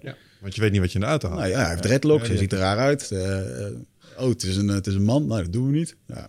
Lekker wijf was geweest, had ze kans gehad. Het zal best wel meerdere in mensen een beslissing om dat mee te nemen, ja. Dat En, kan ik me eh, voorstellen. Ja. eh, ja, ik denk wel dat dat, eh, ja, ik weet het ook niet. Ja, maar toch wel een beetje aan de voorzichtige kant. En jij? Zou je stoppen? Eh, ik denk dat ik wel zou stoppen, ja. ja want ik, ben, ik merk ook dat ik nog steeds wel dat... eh, we hadden het er net al eventjes over dat blauwe hart heb. Dus ik, ik, ik ben wel... eh, eh, mensen die hulp nodig hebben, daar ben ik snel voor geneigd om, eh, om dan... Maar ik ben wel alert. En eh, als ik de situatie... Als ik maar enig vezel in mijn lichaam die situatie niet vertrouw, dan doe ik het niet. Dus je, je ik vaart luister op je intuïtie. Ja, 100 procent. Oh. Ja, ik ben echt. Ik, ik, als ik een gevoel heb bij iemand, dan eh, ja, heel eerlijk, 9 van de 10 keer zit je er niet naast. Ik luister altijd naar dat gevoel. Mijn onderbuikgevoel is voor mij leidend in heel veel eh, situaties. Als, Ja. ik, als ik nou bijvoorbeeld kijk naar die supermarktsituatie, hè, waar die mevrouw helemaal hysterisch bij mij op mijn raam klopte, van doe dit. Ehm, het was niet dat ik daar heel erg bewust over nadacht op dat moment van, oh, nou top, nee, dan ga ik nu de politie bellen. Ik, het werd me gewoon opgedragen. Ja. En, ik de- en ik deed het uit een soort van, eh, ik denk dat ik dat echt in dat moment helemaal niet bewust deed Ja. of zo. Nou, dat is gewoon toch wel druk van buitenaf. Nee, maar dat is denk ik ook menselijke reactie. Want als je kijkt bijvoorbeeld in de hulpverlening en iemand valt op straat neer en je gaat er naartoe, dan is ook de opdracht die mensen geven, die, je krijgt nog bel 112. Mhm. Dan doen mensen dat. Want mensen zijn over het algemeen geneigd om dan te luisteren. En iemand neemt de leiding en de ander die volgt op dat moment. Dus het is niet gek dat dat gebeurt bij. Maar op het moment dat ze gevraagd had, wil je alsjeblieft? Ja, Dan had het dan misschien heel anders geweest. Dan had je misschien niet gebeld. En je denkt, nou, hier wil ik niet in betrokken raken. Ja. Ja, directief. Ja, je moet heel directief zijn. Wat, wat wel een saillant detail was, was dat die, die ene meneer die zette vervolgens, eh, die dus bedreigd werd, die zette vervolgens, had even een moment van rust. Men ging alle twee weer in de auto. Vervolgens zette hij zijn auto drie meter langs de kant en ik zie hem voorbij lopen met een houten knuppel. Toen dacht ik, jij hebt wel lef. Ja. Om iemand achterna te gaan die net een pistool op je heeft gericht. Ja. En die lagen daar nog even te bekvechten met elkaar. Eh, ik zit even terug te halen. Volgens mij was dat het moment dat die mevrouw ook bij mij stond. I don't know, weet ik veel. Maar Ah, dat kan ik me wel ah, voorstellen. Ik denk dat ik daar ook... eh, Want ik merk als ik schrik... mijn vriendin maakt nog eens van die rotgeintjes. Dan sta ik te douchen en die heeft zo'n douchecabine. En dan heb ik niet in de gaten. Maar dan kan ik bang op de zijkant staan. En eerst als gil als een wijf. Ah! Eh, en daarna word ik boos. Word ik direct Ja. boos. Heel boos. Dus misschien zat hij daar even in. Zo van... Ja. ja, nou ja, als iemand toch, ja, je loopt gevaar. Iemand, iemand probeert jou iets aan te doen Ja. en daardoor krijg je een reactie. Hoe herkennen we iemand eh, in een concert die zich verdacht gedraagt? Of in een, eh, bij een ambassade of bij een... eh, Ja, je hebt. eh, eh, ehm, kijk, wat je, wat je moet doen is je moet eerst eens vaststellen waar ben je. Eh, welke type mensen komen daar? Dat noem je dan eh, categoriseren. Waar je nu een beetje op gaat zitten, dat heet predictive profiling. Hè? Het is een, dat is een strategie. we hadden het net even over de Mossad. Die is ontstaan in Israël bij de grensovergangen tussen, bij Ga, in de Gazastrook. En wat die Israëli's konden was ongelooflijk. Toen wij daar in ieder geval kwamen. Zij pikten feilloos drugstraffickers eruit, wapenhandelaren, mensen met contraband. Al, pikten ze er zo uit. wauw. En wij snapten niet hoe dat kon, want wij zaten als, eh als eh bleu figuren daarnaar te kijken en we zagen gewoon een rij mensen staan. Alleen wat zij deden, zij hadden oog voor detail. Zij, zij keken naar wat die mensen deden. Maar zij keken niet naar wat die mensen deden. Ze keken naar wat deed de groep. Wat is het normale gedrag van iemand die een grens oversteekt? Wat is het normale gedrag van iemand die op een treinstation staat te wachten of bij een concert? Als je dat gedrag, eh, degene die niet in die categorieën past, want bij een concert staat iemand eh, broodjes te verkopen, de ander staat bier te verkopen, er staan mensen mee te zingen, mee te hossen, mee te dansen, er staan wat andere mensen daar te werken. En het is net die ene die niet te categoriseren valt. Ja. Die heeft, maakt niet uit wat voor kleur die heeft, maakt niet uit hoe die eruit ziet, maar vervolgens is die afwijkend. En dat afwijkende gedrag, dat is acuut verdacht of niet. Maar er zit niks tussen. Dus alle kleuren die je van het hele kleurenpalet wat we hebben, van ja, hij zal wel dit, hij zal wel dat. Ja, dat moet je achterwege laten. Het is verdacht of niet. En dan ga je onderzoeken. Dan ga je kijken, wat, is, wat, wat doet hij nou? Wat, wat, wat, wat, wat, staat hij nou te doen? En zolang het verdacht blijft, behandel hem als verdacht. En dan moet je iemand uit een anonimiteit halen. Wij maakten heel vaak gebruik van, het, van aannames. Hè. Als we in observatie zaten, ging ik op de, op de bijrijdersstoel zitten van een auto. De hele wereld denkt namelijk, als jij in een wijk op de bijrijdersstoel van een auto zit, oh, die zit op iemand te wachten. En ik kon uren in zo'n wijk staan en iedereen die langsliep, oh, die meneer zit op iemand te wachten. En daarin zie je dus dat, je, ge- dat wij eh, zijn zo gewend om aannames te maken op basis van referentiekader. En met afwijkend gedrag moet je dat dus niet doen. Ja. Haal die vent of vrouw dan uit de anonimiteit. En ja, en dan krijg je dus een stukje commercie, komt er dan bij. Dan, hè, dan leren wij de mensen van, eh vraag of je iemand kan helpen. Iemand kijkt vragend rond. eh, eh, kan ik iets voor je doen? Ben je naar iets op zoek? Maar diegene moet weten, je bent gezien. En dan zie je vanzelf welk gedrag er achteraan komt. Ah, dat is slim. Van, en als ze schrikken of ze smeren hem snel, nou, try averted, of ze gaan ineens lopen bellen, dan weet je ook iets. Ja, je krijgt dus eerst predictive profiling. Dat is signalen oppikken uit de massa. De afwijkende signalen eh, identificeren. En in ieder geval dan bekijken, is dit verdacht dan wel niet? En vervolgens ga je over naar security questioning. En daarin zit, eh, daarin ga je kijken van oké, eh, hij komt met een heel vaag verhaal nu. Ja, nee, ik ben bij het concert van Guus Meeuwis. Ja, ik vind het leuk om van, van het stadion foto's te maken. Precies op het moment dat Guus Meeuwis daar een concert aan het houden is. Had geen logische, logisch doel, had niks met Guus Meeuwis. Nou ja, dan zie je dat het verhaal niet klopt. Dan zie je dat er, dat er vragen ontstaan. Ja, en dan moet je iemand behandelen Ja. als verdacht. Zo is ooit een van mijn collega's die vliegtuigspotter was opgepakt uh, op zijn vakantie in Turkije, omdat hij vijf meter hoog in een boom hing. Foto's aan het maken was van militaire vliegtuigen. Ja, niet doen, dat is niet handig. en, niet thuis kwam op de camping omdat hij was opgepakt. Ja, dat, is, dat, is, niet handig. Ja, ja, ja, Wat, wat, ik interessant vind aan, wat, aan het werk wat jullie doen, is het volgende. Ik kan me voorstellen, het is eigenlijk gewoon patroonherkenning plus plus. Dus je gaat op bepaalde patronen zitten. Het zou zo makkelijk te automatiseren zijn, dit. Dat hebben we geprobeerd. Is dat zo? Ja, ik heb een. Of eh, onderschat ik de complexiteit ja, nu? Onderschat de complexiteit, want ik heb geprobeerd om. Uh, nou, ik kwam in contact met een partij en die maakt hele slimme camera's. Tenminste, de software achter de camera. Mm Hele hoge resolutie camera's. En uh, wat ze trachten was de blik die ik had op afwijkend gedrag, om dat in software ja. te, te gieten. Ja. Uh, van de 100.000 personen die in die testlocatie langs zijn er denk ik uh, 35.000 fails zaten daarin. Was onvoldoende, uh, onvoldoende secuur. Dus het was een te veel momentopname. En de menselijke intuïtie is nog niet te vatten. Tenminste, dit is, we praten over nu 2,5 jaar geleden. Was toen door dit bedrijf niet te vatten in software. Ja, dus wat, wat je eigenlijk zegt is... Um, je probeert een paar markers aan te wijzen in jouw analyse van het patroon... Ja daar, op basis daarvan probeer je zo'n camera of de software te leren om dat te herkennen. Maar is waarschijnlijk ontoereikend, want jij neemt misschien wel 50 andere dingen mee in de afweging. Exact. En dat ene ding, hij doet het nu, maar nu dat en dat en dat ook zo is. En dat is wat het net weer even afwijkend maakt. Ja, en als je bijvoorbeeld kijkt naar basale dingen als uh, ik loop met een koffer, ik zet die koffer neer en ik loop door. Easy. Dat is, dat is, dat is heel makkelijk softwarematig. Uh, dat, dat bestaat al heel lang. Maar het moment dat iemand uh, langsloopt uh, vijf minuten later weer langsloopt en uh, een tasje in zijn handen heeft. Is dat verdacht? Is dat niet verdacht? Maar hij wordt wel herkend. Ja. Is het verdacht dat hij zonder tasje terugkomt? Hij loopt een winkelstraat in of een winkelcentrum in en loopt zonder tasje naar buiten. Ja, kan. Ik bedoel, ik kan ook postzegels zijn wezen halen. Maar het is een situatie dat je denkt, hmm, is toch raar hier in de omgeving van de Amerikaanse ambassade of de Nederlandse ambassade in, het, in het buitenland. Ja. Uh, dus dat menselijke gevoel, en we hebben uiteindelijk bijvoorbeeld een, een situatie op een busstation of Schiphol uh, gepakt, hè, dus, uh, waar veel mensenmassa's bij elkaar komen. Het categoriseren van mensen is redelijk eenvoudig. Je kan heel makkelijk passagiers uh, scheiden van medewerkers. Maar wat je niet kan, is, uh, is die, die afwijkende gedraging zo feilloos aanstippen. Dat je, uh, dat, je dat, dat je de meldingen beperkt tot 6, 7 per uur bijvoorbeeld. Niet te doen. Nee. Je ziet gewoon dat het er 150 per uur zijn of 200. Zie je toch maar weer hoe knap wij in dat op zich zijn. Hè? De, de, menselijke geest. Toen me denken aan dat plaatje van Paul Smit.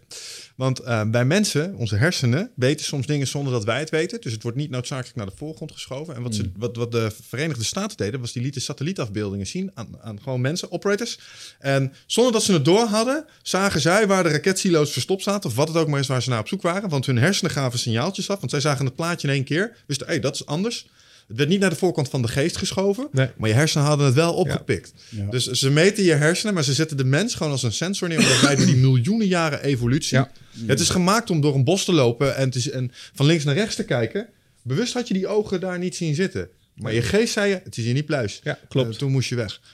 Nou ja, ik denk ook dat zeker op het gebied van, uh, want dit is natuurlijk een, een heel effectief middel. Uh, als je kijkt naar de wetenschap, die zegt dit is nog niet wetenschappelijk onderbouwd. Hè? Dus predictive profiling slaat vaak over naar racial profiling. Ja, dan doe je alles verkeerd in mijn beleving, want je kijkt niet naar iemands kleur. Maar het is wel een bijkomstigheid op enig moment. Tuurlijk.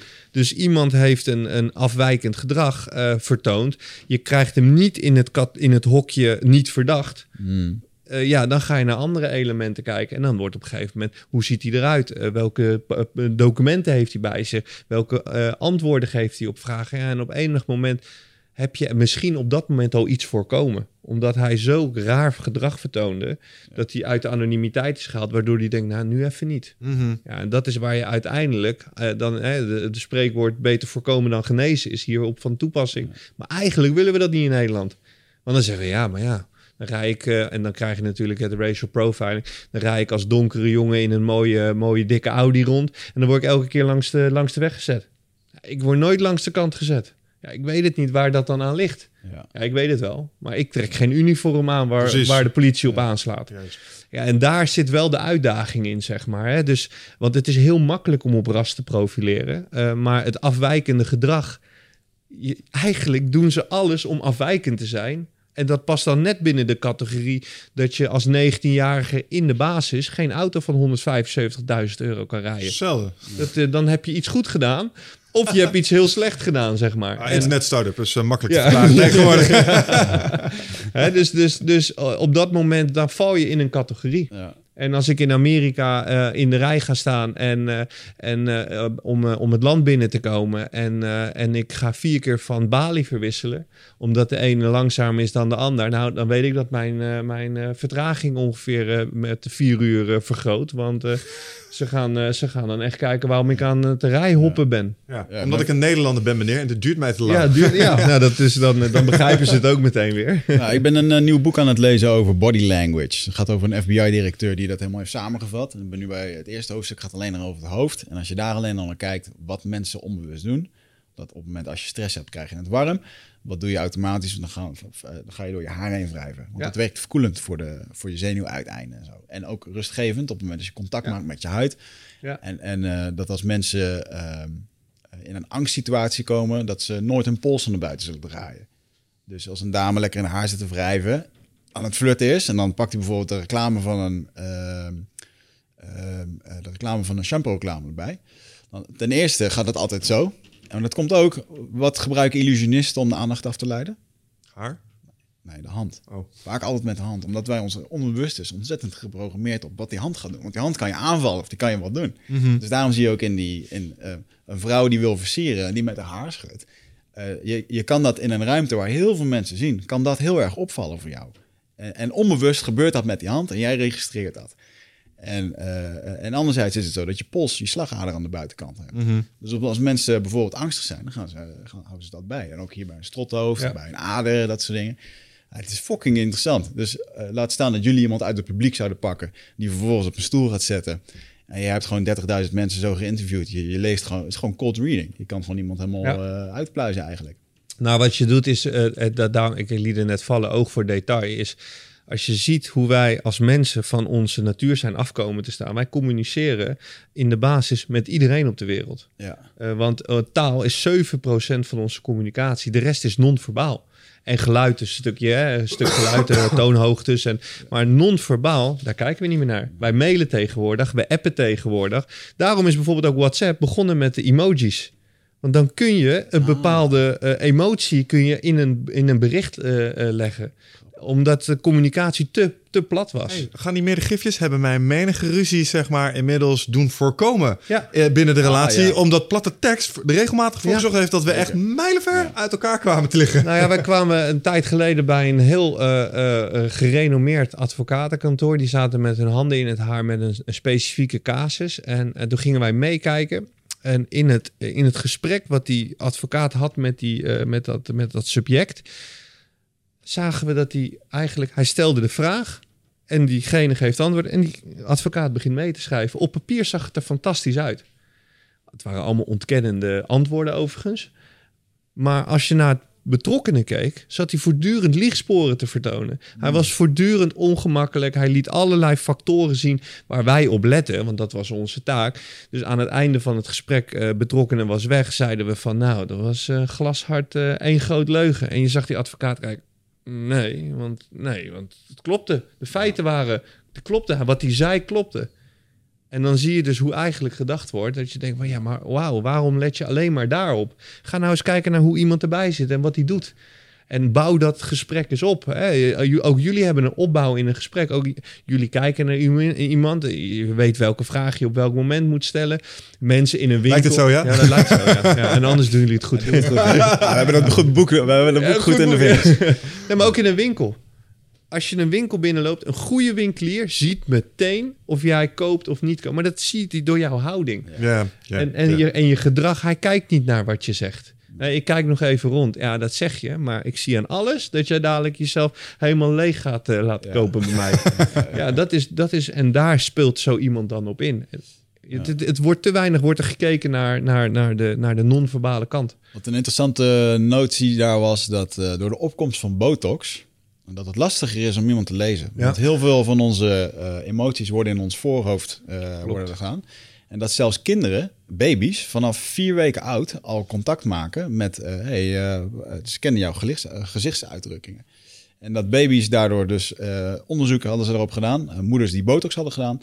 Dat baby, baby's daar onrustig van worden. Dat ze niet de emotie kunnen lezen ja. van, uh, van moeder. Alleen baby's man, ik ook. dat is gewoon een volkomen normale reactie. gewoon dat, je, dat, je, dat je moeder gewoon in één keer een plant is geworden. Die niet meer beweegt, weet je wel. Je bent vier weken oud.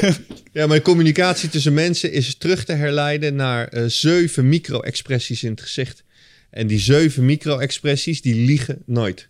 Dus als je een micro-expressie herkent en de woorden die erbij verteld worden komen niet overeen met uh, walging of blijdschap of verdriet of whatever, dan weet je dat iemand tegenover je de boel zit te besodemieteren. Het nadeel van deze technieken is dat je heel vaak zit te denken, oh, Wacht even. Ja, oh, ja. ja, ja, je wordt heel echt dochter van ja, natuurlijk ook. Ja. Dat, dat is het nadeel, want je ziet heel snel, als je erop namelijk echt op gaat letten en je gaat het gewoon bij wijze van spreken eens een dag proberen, dan ga je dus denken van wauw. En dan pak je alleen maar het, het, het, het, eh, de, eh, de micro-expressie walging. Ja dan schik je best wel eens van dat je zo, wauw, die cashier, dat is uh, En dan kom je bij, de, bij het tankstation en dan denk je, oh, die is ook niet zo aardig. En uh, dan zeg je iemand gedag en iemand reageert op en denk je, wauw. Dat is, uh, ik weet niet of ik wil weten wat de micro nee, maar dat is, dat, is, dat is het nadeel. Ja. Dat is echt het nadeel. Ja. ja. Maar ik denk ook wel dat een hele hoop, het is natuurlijk ook wel, sommige mensen kunnen ook echt gevo heel gevoelloos overkomen. Of ook echt geen gevoel bij hebben. Ik bedoel, mensen die heel erg narcistisch zijn of... Uh, ik weet niet, het is volgens mij nog wat andere termen voor mensen die echt uh, geen empathie hebben. Ja. Of gewoon, uh, en die lopen er echt wel veel rond in Nederland. Ja. Ik bedoel, je hebt ook genoeg mensen gecoacht. Dat je af en toe tegen mensen aan het praten bent dat je denkt, dit, dit kwartje valt gewoon niet bij jou. Jij voelt dit gewoon niet. Nee. Maar dat is denk ik als je kijkt, als je een, een dat zijn persoonlijkheids- of gedragsstoornissen die, die mensen hebben, dat is um, die laten zich niet vangen in, in dit soort regeltjes, zeg maar. En, maar die hebben dusdanige kenmerken dat je eigenlijk van tevoren al je plan kan maken hoe je daarmee om kan gaan. Je herkent bijvoorbeeld iemand met een narcistische gedragsstoornis, daar herken je een aantal punten van. En als je hem op een bepaalde manier voedt met informatie, dan doet diegene eigenlijk alles wat je wil. Ah. Ze zijn relatief makkelijk daarin te manipuleren moet dan altijd denken aan Steven Seagal, die dan zo'n film wordt aan een leugendetector wordt gehangen. En die dan een steenkoud iedere keer hetzelfde antwoord geeft. En dat dat ding gewoon stil blijft. Ja, ja, ja, ja, ja, maar dat, is, dat, dat zijn wel dingen. Je kunt, het, je kunt het natuurlijk trainen. Als je weet wat het is, is oh, het natuurlijk. Met oefening is het vast wel weer te doen. Alleen dat vraagt wel echt om een serieus. Uh, en, en de gemiddelde Nederlander kan dat niet. Moet je voorstellen dat jij inderdaad echt gewoon spion bent. Jij bent spion, spion en je zit in Hitler's een officierenclubje. En maandagochtend is de vergadering. En uh, holy shit, ja, dat, dat is gewoon gebeurd. Ja. Weet je? Sterker nog, het gebeurt nu ook. Ja. Ja, ja criminele, uh, in, hoe heet dat, infiltranten. Ja, uh, dat, ja. ja, dat bedoel, bedrijfsspionage gebeurt elke dag. Elke dag zijn mensen aan het manipuleren. En het enige wat wij proberen is die, die het herkennen van manipulatie. Ja, dat, dat gaat over subtiele dingen. Ik heb een, een verhaal een keer gehoord van, de, dat ging ook over de Mossad. Die hebben maandenlang geïnvesteerd in een Iraakse uh. Die uh, een of andere genie die was in Parijs voor een opleiding. En die hebben ze maandenlang hebben ze elke keer als zij bij de bushalte stond, reden ze langs met een hele dure Ferrari of een dure sportauto. Ze wisten dat hij daar interesses in had. En elke dag stond er een bloedmooie vrouw daar bij die bushalte. En op enig moment ineens niet. En die Ferrari die pikte elke keer die vrouw daarop. Dat was ook nog een uh, element. En opeens niet. En ze maken oogcontact van, joh, heb je er gezien? En hij zegt, nee, eerste contact gemaakt. Tweede, derde, vierde contact volgen daar heel kort op. En het vijfde contact vertelt hij wat voor werk hij doet. In het uh, zesde, zevende contact vertelt hij waar de fabriek stond in Irak. En uh, diezelfde nacht wordt dat ding plat gebombardeerd. Ja.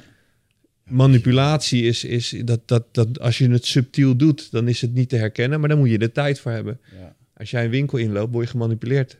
Bij de Albert Heijn wordt jij gemanipuleerd om eerst alle groenten in je karretje te stoppen, zodat je een goed gevoel hebt om vervolgens door te lopen naar de snoepafdeling en daar consequent gewoon uh, slechte producten erin gooit. Ja, dus manipulatie is iets wat een groot onderdeel is van, eh, van, van ons leven. Weet je waar ik dat helemaal gruwelijk vind? Daar is het gewoon geen manipulatie meer. Dan is het gewoon indoctrinatie bij de tank. Elke keer als jij je kopje koffie of je gas gaat afrekenen, dan wordt jou ook een appelflap Ja, ja, of een ja, eh, snicker of wat dan ook. Willen ze je gewoon aanspreken. Wilt u er nog wat lekkers bij, meneer? Nee, nee, ik probeer te vasten. Rot op. De aan, wilt u de, nou, en dan ook nog wilt u de aanbieding. Oh, Ja. oh. Ja, dat is dubbel manipulatief. goed, ja. ja. Ja, als Maar een- 99 cent. maar het is natuurlijk wel, bij bij McDonald's vragen ze natuurlijk ook of je mayonaise erbij wil. En of je een extra grote friet wil. En, eh, Ik snap up, up- en cross-selling wel. Maar even in het kader van het snoepgoed, zeg maar, aan het eind van de interacties in een supermarkt, dat ze je daar manipuleren, zeg maar. Want ik moest direct denken aan bij de, bij de afrekenband. Er staan ook nog alle lekker kleine, goedkope Ja. dingetjes die er even... Ah, één reep chocola. ah, op die manier, ja. Maar op het moment dat jij in een restaurant een, eh, een, eh, een, eh, die je rekening vraagt, krijg je er altijd een pepermuntje bij of je krijgt er iets bij, whatever. Ja. Dat is, ze geven jou iets Ja. Om uiteindelijk een, met een slechter, minder slecht gevoel je pinpas er doorheen te halen. Dat, dat, dat, daar is het, zo werkt het in het, eh, in het menselijk lichaam, zeg maar. En als je weet dat, dat er gemanipuleerd wordt, ja, dan ga je al die dingen herkennen. Ja, misschien zit daar ook wel de grootste... Als je weerbaar wil zijn in de toekomst... eh, is een stuk bewustwording daarop als individu, zeg maar. Eh, we hebben hier... Meneer Dijkgraaf, ach, Jan Dijkgraaf, die had een boekje geschreven, neuromarketing of voodoo marketing, Oh ja, waarbij ze ja, eigenlijk ja. gewoon ingaan op dit soort manipulatieve technieken. En ja, is het, is het ethisch dat een eh, vliegtuigmaatschappij jou manipuleert op basis van je cookies en je zegt er zijn nog maar twee tickets, ja. en hou is het in de aanbieding, weet je wel? Dat, is dat ethisch? Mensen zouden denken, nou ja, ze helpen me met het koopproces. Maar als je dit op andere dingen waar je besluiten over gaat nemen ook dit gaan doen, dan gaat het je persoonlijke veiligheid misschien zelfs al raken. Zeker. Ja, en dat is waar we het net in het begin over hadden. Dat is weer die, die groepsmanipulatie. Als je dus weet wat mensen hun interesse liggen, dan kun je dus wat eenvoudiger kun je, kun je, kun je manipuleren. En ben je ook vatbaar voor manipulatie. Mensen missen op dit moment iedere vorm van, eh, van details die op hun eh, afgevuurd raken of eh, worden. Ja. Hey, ehm, nog even een, ehm, een onderwerp eh, waar ik ook wat dingen over had opgeschreven. eh, die kans wou ik graag eens nemen. Jij hebt, ehm, eh, kun je eens iets vertellen over je achtergrond bij justitie, defensie en de speciale eenheden? Want, Ja, ben in eh, 1999 eh, eh, was ik een, een jonge wachtmeester van de Koninklijke Marché. Ben ik naar Schiphol gegaan. toen ik in 1998 uit de opleiding kwam. En toen. Eh, ik ben naar de ma- marché gegaan, dat mijn moeder die gaf me een folder. En er zat een 2 bij 2 fotootje op van eh, een paar gasten die een deur eruit aan het schoppen waren. Toen dacht ik, ja, maar dat wil ik doen. Dus toen, eh, ja, dat bleek de BSB te zijn. En eh, toen heb ik gesolliciteerd.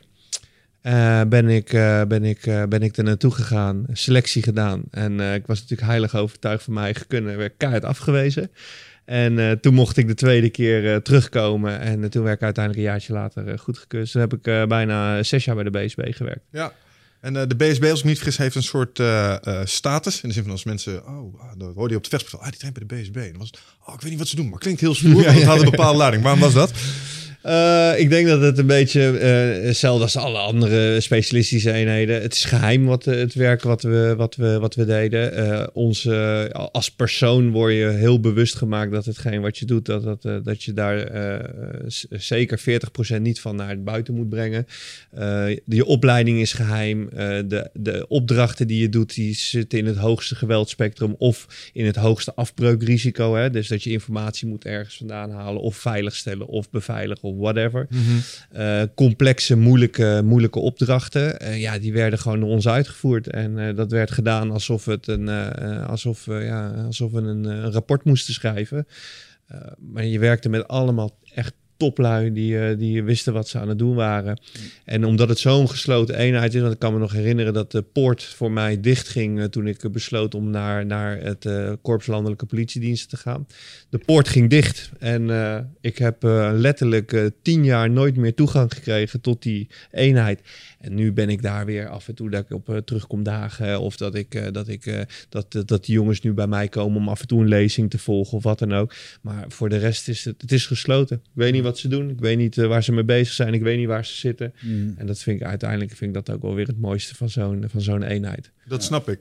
Ja, nee, maar met name omdat ze, je zei het al, ze zitten in het hoogste geweldspectrum. Uh, er is een bepaald afbreukrisico. Uh, het zijn uh, bijzonder competente jongens. Ik bedoel, we hebben met de Marshof meegedraaid. Nou, we zijn recentelijk voor een experience zijn we naar de jongens van de Hell Shooter gegaan. Dat zijn ook voormalig AT-jongens. Die ja. hebben ook bij de DSI gezeten. En die hebben ons wat dingetjes geleerd als het gaat over bijvoorbeeld de uitvoer van zo'n operatie. Um, hoe manoeuvreer je door gebouwen, gangen. En dat was gewoon telkens aan de hand worden genomen in kleine mini die situaties. Kijk, zo ga je deze deur door. Zo ga je Ja. deze. Maar de hoeveelheid techniek, voorbereiding. ehm, wij konden op pauze drukken, zeg maar. Dat is in het echt niet. Ik heb me echt verbaasd over de hoeveelheid techniek die alleen al komt kijken bij hoe ga je een bocht om met Ja. een minimaal risico. We hadden het er straks even over eh, een techniek als slicing the pie. Dat, dat zo'n Jeroen mijn arm ongeveer 10 seconden ziet voordat ik hem zie. Terwijl ik op een bocht sta te letten en hij had mij al drie keer kunnen raken. Ja. En ik had niet eens in de gaten dat hij er stond. Nee. Nee, klopt. En eh, kijk, wat het, het belangrijkste van dit soort eh, eenheden of dit soort werk is dat je, eh, je wil 120 procent mensen hebben die competent zijn. Dus de opleiding is gewoon zwaar, is lastig, onzeker. Vervolgens stroom je in in een groep en dan ben je net klaar en dan denk je dat je er bent, maar dan ben je echt nog aan het begin en dan moet je echt naar die ervaren gasten kijken hoe die het werk doen. En wat het mooie is van zo'n eenheid, want mensen vragen wel eens hoeveel missies heb jij dan eh, gedraaid? En eigenlijk zeg ik dan dat iedere dag is voor mij een nieuwe missie geweest. Eh, we draaiden missies langere periodes in oorlogsgebieden of postconflictgebieden, maar iedere dag was een missie. Want eh, je, je, je stapt naar binnen, want dat doel moet je bereiken. En dat is in dit geval die dag doorkomen. Ehm, ja, en als je een, een observatieactie hebt, of wat voor actie dan ook, dan, dan moet je zorgen dat je je doel bereikt voor, voor die dag. En je ziet gewoon dat de mensen die dat, eh, die dat doen, eh, we zitten zo op de details. eh, opdrachten die misschien eh, 50, 60 minuten duurden, die werden soms wel eens in 5, 6 uur geëvalueerd. En als je niet kon uitleggen eh, waarom je een bepaalde handeling. Alles moest bewust zijn. Alles. Er is niks wat er onbewust gaat. En als je dan een, een, een handeling deed of eh, leg het uit. Ook al was het niet de goede, leg het uit. Ja, en als het niet goed was, dan werd je gewoon eh, vanaf de grond af werd je afgebrand. Dat je niet, dat, dat mocht gewoon niet nog een keer gebeuren. En, eh, en eh, zeg wat je doet en doe wat je zegt. En ja, dat was gewoon ons motto. Elke dag weer. Ja. Nou, de reden dat ik er ook naar vraag is omdat eh, nou, je bent nu ondernemer, je doet dingen met teams, eh, je doet een stukje consultancy daarop ook. Ik heb ook wel eens te maken met teams vanuit het bedrijfsleven.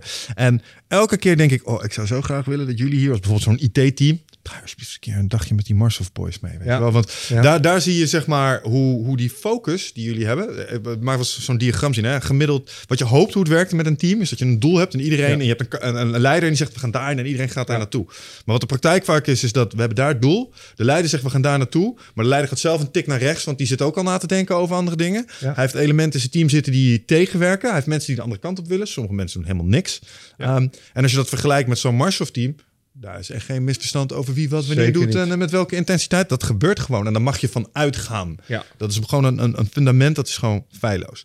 En ik worstel er nog wel eens mee. Hoe krijg je zo'n team, zeg maar, die eigenlijk hetzelfde opereert? Want ze hebben ook een doel. Ja. Wil je ook zo pijnloos mogelijk Ja. halen? Ehm, en toch zou je willen dat, dat ze meer uitlijnen met elkaar. Hoe doen jullie dat in die speciale eenheden? Hoe fix je dat dat gewoon geregeld is? Want als het fout gaat, dan gaan de mensen dood. Ja, klopt. Eh, kijk, eh, eh, als je de vergelijking maakt met bedrijfsleven, high performance teams waar we het over hebben, ten opzichte van defensie high performance teams. Eén, het begint met allemaal zelfgestemde mensen. Iedereen is afgestemd op dat werk. Psychologisch, fysiek, daar begint het dan mee. Degene die aan, aan het begin zijn beret krijgt of zijn, zijn overal of wat dan ook. en begint aan het werk, die is, die is klaar. Die, is, die, is, die heeft een, echt een hele gedegen opleiding gehad. Wat je ziet in het bedrijfsleven is wie is er beschikbaar. Ja, dat is niet altijd het eh, beste materiaal. Soms is het overgekwalificeerd. Dus iemand is helemaal niet gelukkig op die plaats, maar die moet altijd werk doen. Dus je ziet dat die gelijkstemmigheid is niet, is niet aanwezig in het bedrijfsleven, omdat de selectie eigenlijk al op een andere manier gebeurt. Het zijn misfits qua competentie en, en talent. Terwijl de individu misschien hartstikke goed is. ja, maar, binnen wat er nodig is in dat Exact. team. Ja, ja, Wat ja. is er nou nodig? Durf je die harde beslissing te nemen om te zeggen: we moeten van A naar B. De strategie is via die en die route. Eh, dat betekent die en die subdoelstellingen per dag halen. Ga jij dat doen? En dan zie je dus dat heel vaak mensen ja, maar vandaag niet. ja, ja, ja, ja. Ja, ik moet eigenlijk, ja, morgen. En, nou, je ziet dus gewoon dat de discipline die mensen niet hebben, die je dus wel ziet binnen Defensie, ja, die discipline, die, die, die, die missen mensen gewoon. En de, die mensen die doen anders eh, wanneer er gekeken wordt, dan eh, wanneer ze alleen zijn en ze het eigenlijk ook moeten doen. ja dat snap ik. Discipline is wel het gevolg. Ik, wel, ik heb dit, dit- deze week mijn hoofdstuk over discipline afgeschreven in mijn boek. Discipline is wel gewoon het gevolg van motivatie. En motivatie komt vaak maar uit, uit een vat op het moment als het eh, uit een stuk creatie is. Of Ja. ze, willen, hè, ze kunnen een passie uitdragen. Ja, Eh, of soms moet het gewoon gedwongen zijn, omdat het moet. Het is niet altijd de beste, die laatste. Maar over het algemeen, eh, als, het, als, het, als het maar een beetje moet, of het moet maar een beetje half, of er hangt geen... Je dat echt? Dat, ehm, ik vind discipline en motivatie heb- hebben als verband met elkaar. Dat motivatie perfect is om shit te starten, maar niet zo goed om af te maken. Nee. En dan komt discipline om de hoek kijken. Dat vind ik de relatie tussen die twee. Nou ja, ook, ook als je kijkt naar bijvoorbeeld zo'n defensie eh, unit, weet je, die, die eh, je stapt in je auto, je rijdt naar je, eh, naar je kazerne toe of naar de basis toe, je stapt met je maten in een groepsauto, je rijdt naar het vliegtuig, je vliegt naar een land toe. ik weet niet hoe ver hier vandaan, vervolgens ben je nog uren onderweg en om je heen kijk je en je ziet alleen nog maar woestijn. Dan moet je gemotiveerd zijn. Dan moet je de discipline hebben om te doen wat je doet, want anders ga je dood. En het, maar die jongens zijn niet bezig met het feit dat ze doodgaan. Ze willen die handelingen verrichten, dat dat team in een... Hè, die boots on the ground betekent teamflow. Jij bent een onderdeel van het geheel en het geheel gaat die kant op en jij wil mee. En in het bedrijfsleven, het geheel gaat die kant op, maar het geheel is geen geheel. Het geheel zijn dus een beetje bloemkoolformatie. En de ene die, ja, ik kom er wel. En met omwegen komen ze uiteindelijk in een, eh, in een in richting dat doel. Ja. En sommigen weten dat, dat, dat, dat, dat magische punten bereiken. Dat iedereen samensmelt tot die eenheid. Mhm. En wij zeggen dan beloon de individu voor de teamprestatie. En de teamprestatie voor de individuele prestatie. Zo werkt het ook binnen Defensie. Eh, de individu haalt eh, de tijd net wel. Dat betekent dat de rest eten krijgt. Ja, ik hoor dat, dat een boel van wat je nu zegt, als je dat zou willen, goed zou willen fixen in het bedrijfsleven. Dat, eh, met, een, met een bestaand team is dat misschien zelfs al wel lastig. Want Ja. dan zit je al met elementen Ja. die eh, misschien niet aansluiten. Het zit, het zit hem aan de voorkant. Het zit hem in een stukje opleiding binnen Zeker. een organisatie. Want Ja. als je ze ergens horizontaal laat instromen of ze komen als junior binnen, zijn ze nog niet gevormd. Dat doen jullie ook. Je, krijgt, je krijgt een paks binnen en die gaan jullie vervolgens in een bepaald gereel gieten. Dus, Nou ja, dus een stukje onboarding binnen bedrijven zou ervoor kunnen zorgen dat je teamsamenstellingen optimaler worden en daarmee een cultuur krijgt. Ja. Die, ja, ja. Ja, kijk, wat we, wat we hebben, we hebben, wat we benaderen bedrijven als een defensie. Dus Nederlandse defensie die gaat naar Afghanistan en eh, de kok komt naar Afghanistan om te doen waar hij goed in is. Maar je stu- stuurt die kok niet de poort uit om een paar terroristen aan te gaan laten. Dan ga je de jongens van het KST. Maar die, die zijn, er zijn er maar een paar van die dat kunnen, willen en bereid zijn om dat werk te doen. Dan moet je die dat werk laten doen. Dus degene die geen zin heeft in overwerk, degene die geen zin heeft in lastige vragen, moeilijke presentaties, vliegen naar het buitenland, weet ik veel wat, die moet je dat niet laten doen. Laat die dan een stapje terugzetten en ga die high performance teams inrichten puur alleen maar voor die doelstellingen. Ja. In een voetbalelftal heb je een, een verdediging, een middenveld en een aanvaller. Je moet die verdediger niet laten aanvallen. Of hij moet de competenties beschikken om dat wel te kunnen doen. Maar in de basis moet hij gewoon lekker verdedigen. En eh, wie ben je in zo'n team? Nou, en dan heel vaak zitten we met ondernemers. En dan zegt de ondernemer, ja, ik ben een aanvaller. Oké. Of nee, ik ben meer middenvelder. Ik schakel tussen, tussen de verdedigingen. Oké. En dan vraag ik, wie is de coach dan? En dan komt die ondernemer achter, fuck, ik zit eigenlijk gewoon midden in mijn bedrijf. En ik kijk helemaal niet meer naar mijn bedrijf. Mhm. Ja, en dan zie je dat zijn perceptie veranderd is. En dan noemen wij dan de blinde vlekken van de organisatie. Hij ziet het niet meer, want hij staat op dat veld. En het is niet voor niks dat ze in, voetbal, eh, in een voetballand tegenwoordig allemaal analisten hoog in het stadion hebben zitten. Want die zien hoe die spelvormen ge- ge- gedaan worden. Ja. en dat is waar wij dan om de hoek komen kijken. Ja, en wij zijn gewoon heel hard en heel duidelijk. Ja, als je ons naar binnen haalt, dan zeg ik gewoon waar je wel en niet, eh, waar je echt waar je op faalt en waar je op excelleert. Ja, ja. En als je dan kijkt naar zo'n team line hè, en je hebt het over eh, ehm, eh, coaches, dan heb je het eigenlijk ook over een stukje leiderschap. Ja.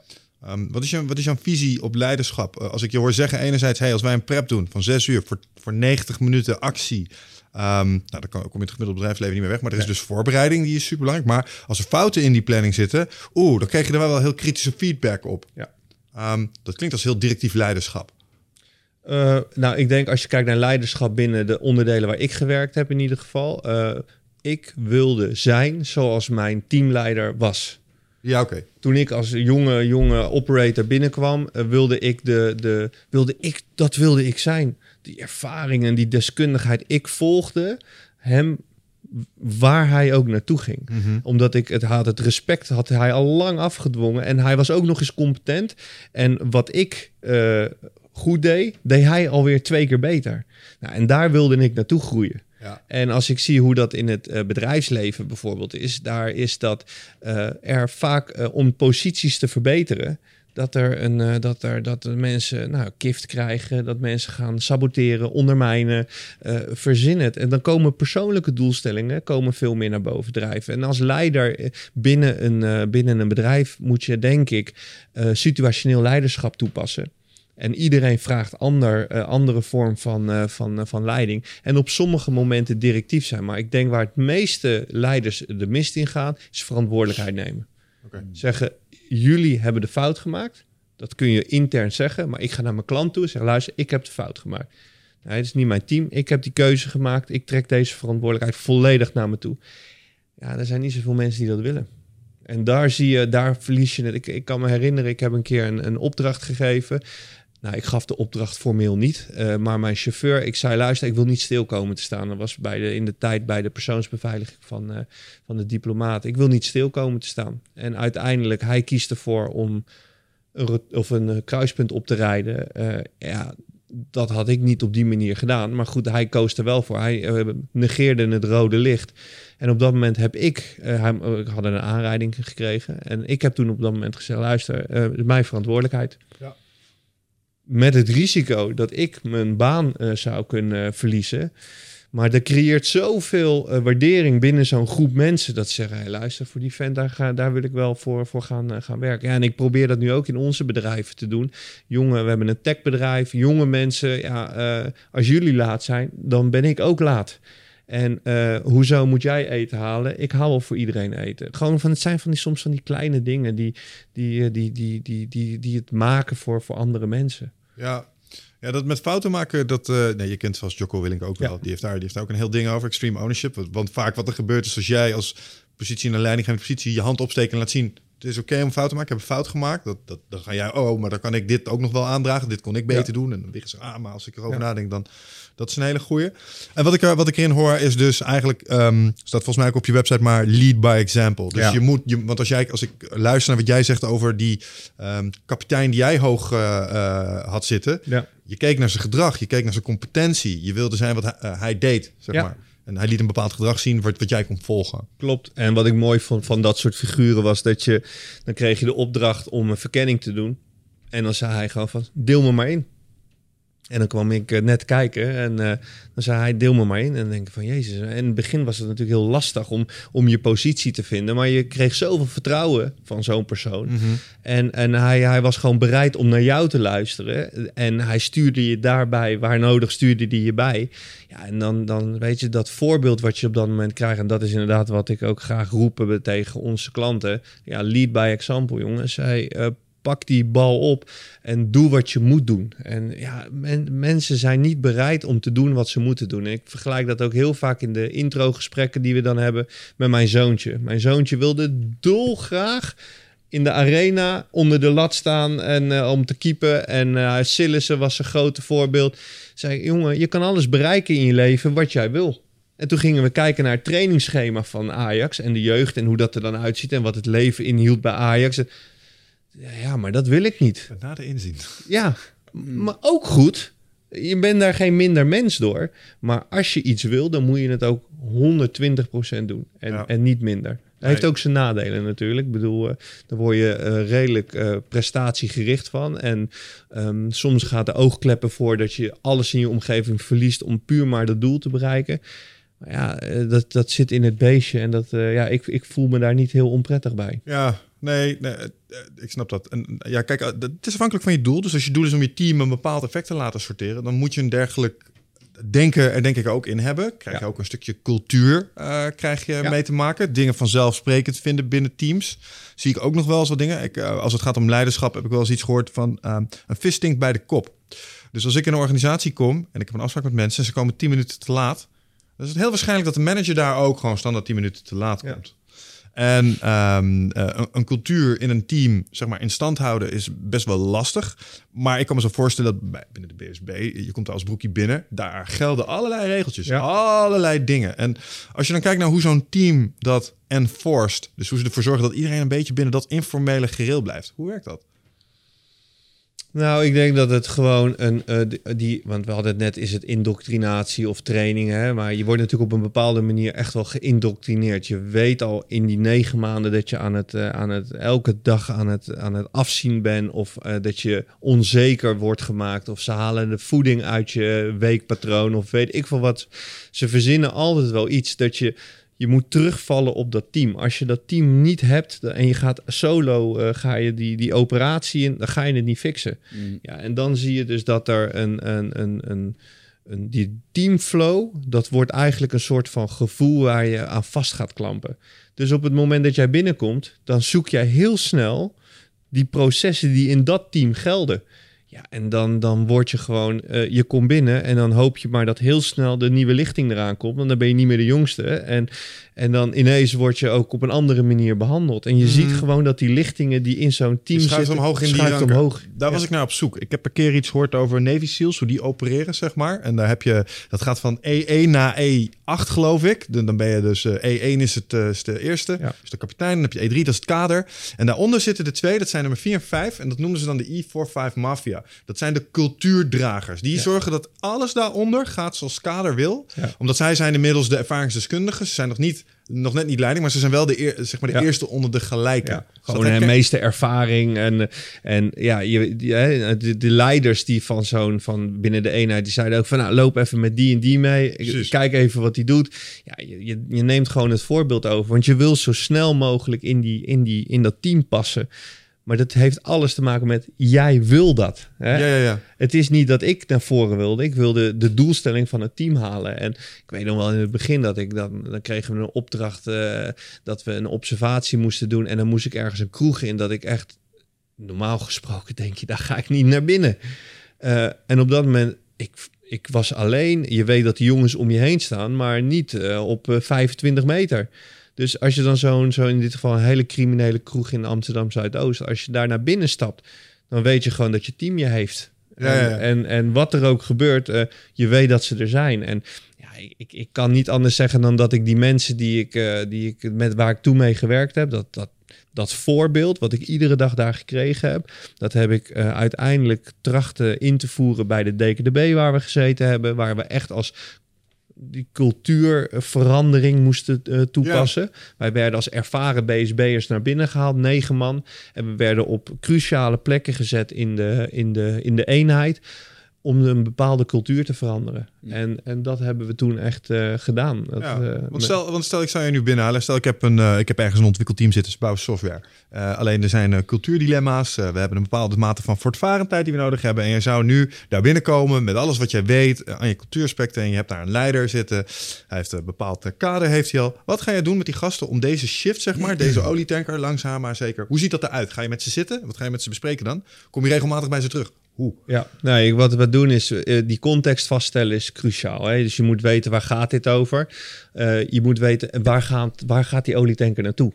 Want wat je heel vaak al ziet, is dat het... eh, ja, we zijn aan het varen. Ja, oké, maar waar naartoe dan? Ja, we zijn naar Amerika aan het varen. Oké, maar welke haven dan? Eh, daar hebben we nog niet over nagedacht. En welk tijdsbestek dan? Hoe lang mogen we erover doen? Dus de, de fundamentele vragen die bij een doelstelling horen, eh, hoe meetbaar is iets, hoe tastbaar is iets, daar begint vaak zie je dat het al eh, de visie van de ondernemer is een gevoel. Dat wordt neergelegd en we gaan die kant op. En dat team beweegt wel die kant op, maar je wil een specifiek punt hebben waar je naartoe beweegt. En daar, daar beginnen we mee. We beginnen met hoe goed is het strategische deel aan de voorzijde. Ja, en vervolgens gaan we kijken welke middelen heb je tot je beschikking. Geld, eh, eh, um, assets eh, van panden tot en met, middelen. maar ook welke mensen heb je tot je beschikking. En je wil een, een, een nou verzin het, een, een waterstofauto maken. Maar je hebt hier niemand die wetenschappelijk onderlegd is. Ja, maar Jan is wel heel aardig. En Piet die werkt al 25 jaar met mij. En, eh, en eh, Klaas ook. En, dus je ziet dat daar heel veel patronen zijn ontstaan. Ja, en dan, eh, dan zijn wij de vervelende partij. En dan zeggen we van luister, om dat te bereiken ga je niet met dit team kunnen. En in sommige gevallen zeggen we, ja, maar als je het team een klein beetje omdraait, want je moet weten met wie je te maken hebt, dan gaan we hands-on, gaan we dat team opnieuw samenstellen.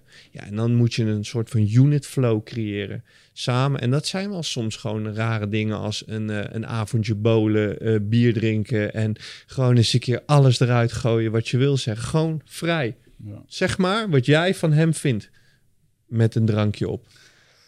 ja, daar krijg je dus wel hele eerlijke gesprekken van. Gewoon, en eh, zo afwijkend en weg uit die zakenomgeving. Dat is uiteindelijk hoe we bij de eenheden ook werken. ja, daar uh, wordt broederschap gecreëerd natuurlijk. Daar wordt broederschap Ja, gecreëerd. ja, Ja, ja, ja, ja. samen afzien, samen de doelen bereiken. Ja, dat is gewoon waar je, waar je een, eh, zo'n team mee kan sturen. Maar heel vaak komen, komen we erachter dat dat ze eigenlijk een high-performance team niet kunnen bouwen van het bestaande team. Mhm. Dat is de realiteit. En alle business coaches die we te- tegenwoordig is business coaches volgens mij een, eh, een nieuw fenomeen eh, geworden. Wij zeggen ook wij willen niet iedereen helpen. Wij willen die 20% helpen die intrinsiek gemotiveerd is om te doen wat, er, wat ze moeten doen. Mhm. En die hebben dat van nature. En eh, de rest helaas niet. En dat kun je wel aanleren, maar daar hebben we geen zin in. Dat is die tijd die, die hebben we niet. We pakken ongeveer vijf van dit soort trajecten per jaar aan. En dat is al echt wel eh, best heftig, zeg maar, Mhm. eh, qua, qua drukte en ruimte in de agenda's. Snap ik. Als je dan kijkt naar, naar zo'n cultuuraspect, hè, iets wat Defensie eh, in zich heeft, wat ik ook wel herken vanuit de vechtsport en waarvan ik weet, ah, dat heeft een sterk regulerend effect op gedrag, zijn disciplinaire maatregelen. Iets wat mij betreft compleet ontbeert eh, aan de zakelijke kant. Teams worden nooit gestraft. Er zijn altijd beloningen. Als je een keer je planning niet haalt, is er vaak bijzonder weinig aan de hand. Het is Ja. allemaal de man- mantel der liefde. Ik maak altijd een grapje in de trainingen. eh, elke minuut laatste 10 burpees. En dan, Ja. en dan moeten ze dan lachen. Weet je, Ja. de meeste mensen weten niet eens wat een burpee is. Ze rekenen uit en denken ze, nou, laat maar. Helaas wel. Ehm, ja, maar dat, dat is voor die mensen zo ondenkelijk dat, dat er zoiets zou gebeuren. Dat, terwijl als je op een gemiddelde kickboxles een minuut te laat komt, prima, ga maar voorlichtsteun, let's go, 20, weet je wel. Ehm, hoe kijk je daar tegenaan? Nou ja, kijk, ik denk dat eh, de vrijwilligheid van, eh, eh, van waar je op dat moment bent is een heel belangrijk onderwerp. Want sommige mensen komen niet vrijwillig naar dat bedrijf toe. Mensen komen naar dat bedrijf toe omdat ze geld nodig hebben, eh, omdat ze willen wonen, omdat ze een dure auto willen rijden, whatever. Ehm, maar op het moment dat je vrijwillig laat van huis, eh, laat thuis komt, vrijwillig eh, wacht tot je collega klaar is met werk, werk overneemt, dan heb je een ander gevoel. Dan heb je die disciplinaire maatregelen niet nodig. Eh, maar wat we zien is op het moment dat we die groepen onder druk gaan zetten, met op, op welke manier dan ook. Soms hebben we zo'n trainings- of vormingsperiode dat we zeggen, nou laten we eens kijken hoe deze groep twee of drie dagen van de locatie reageert op bepaalde situaties. Ja, dan zie je dus dat als je ze als één een fout maakt en je straft het collectief, dan zie je ineens dat eh, de eerste reacties van sommige mensen is van ja, jij en jij wijzen. En vervolgens zie je dat één, het niveau van die individu ging omhoog. En de andere kant is dat anderen zeiden, hey, we zijn een team.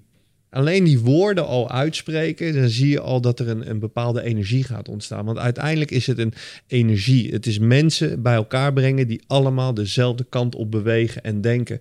En als je dat kan zonder eh, disciplinaire maatregelen. ehm, als ik terugdenk aan mijn eenheden.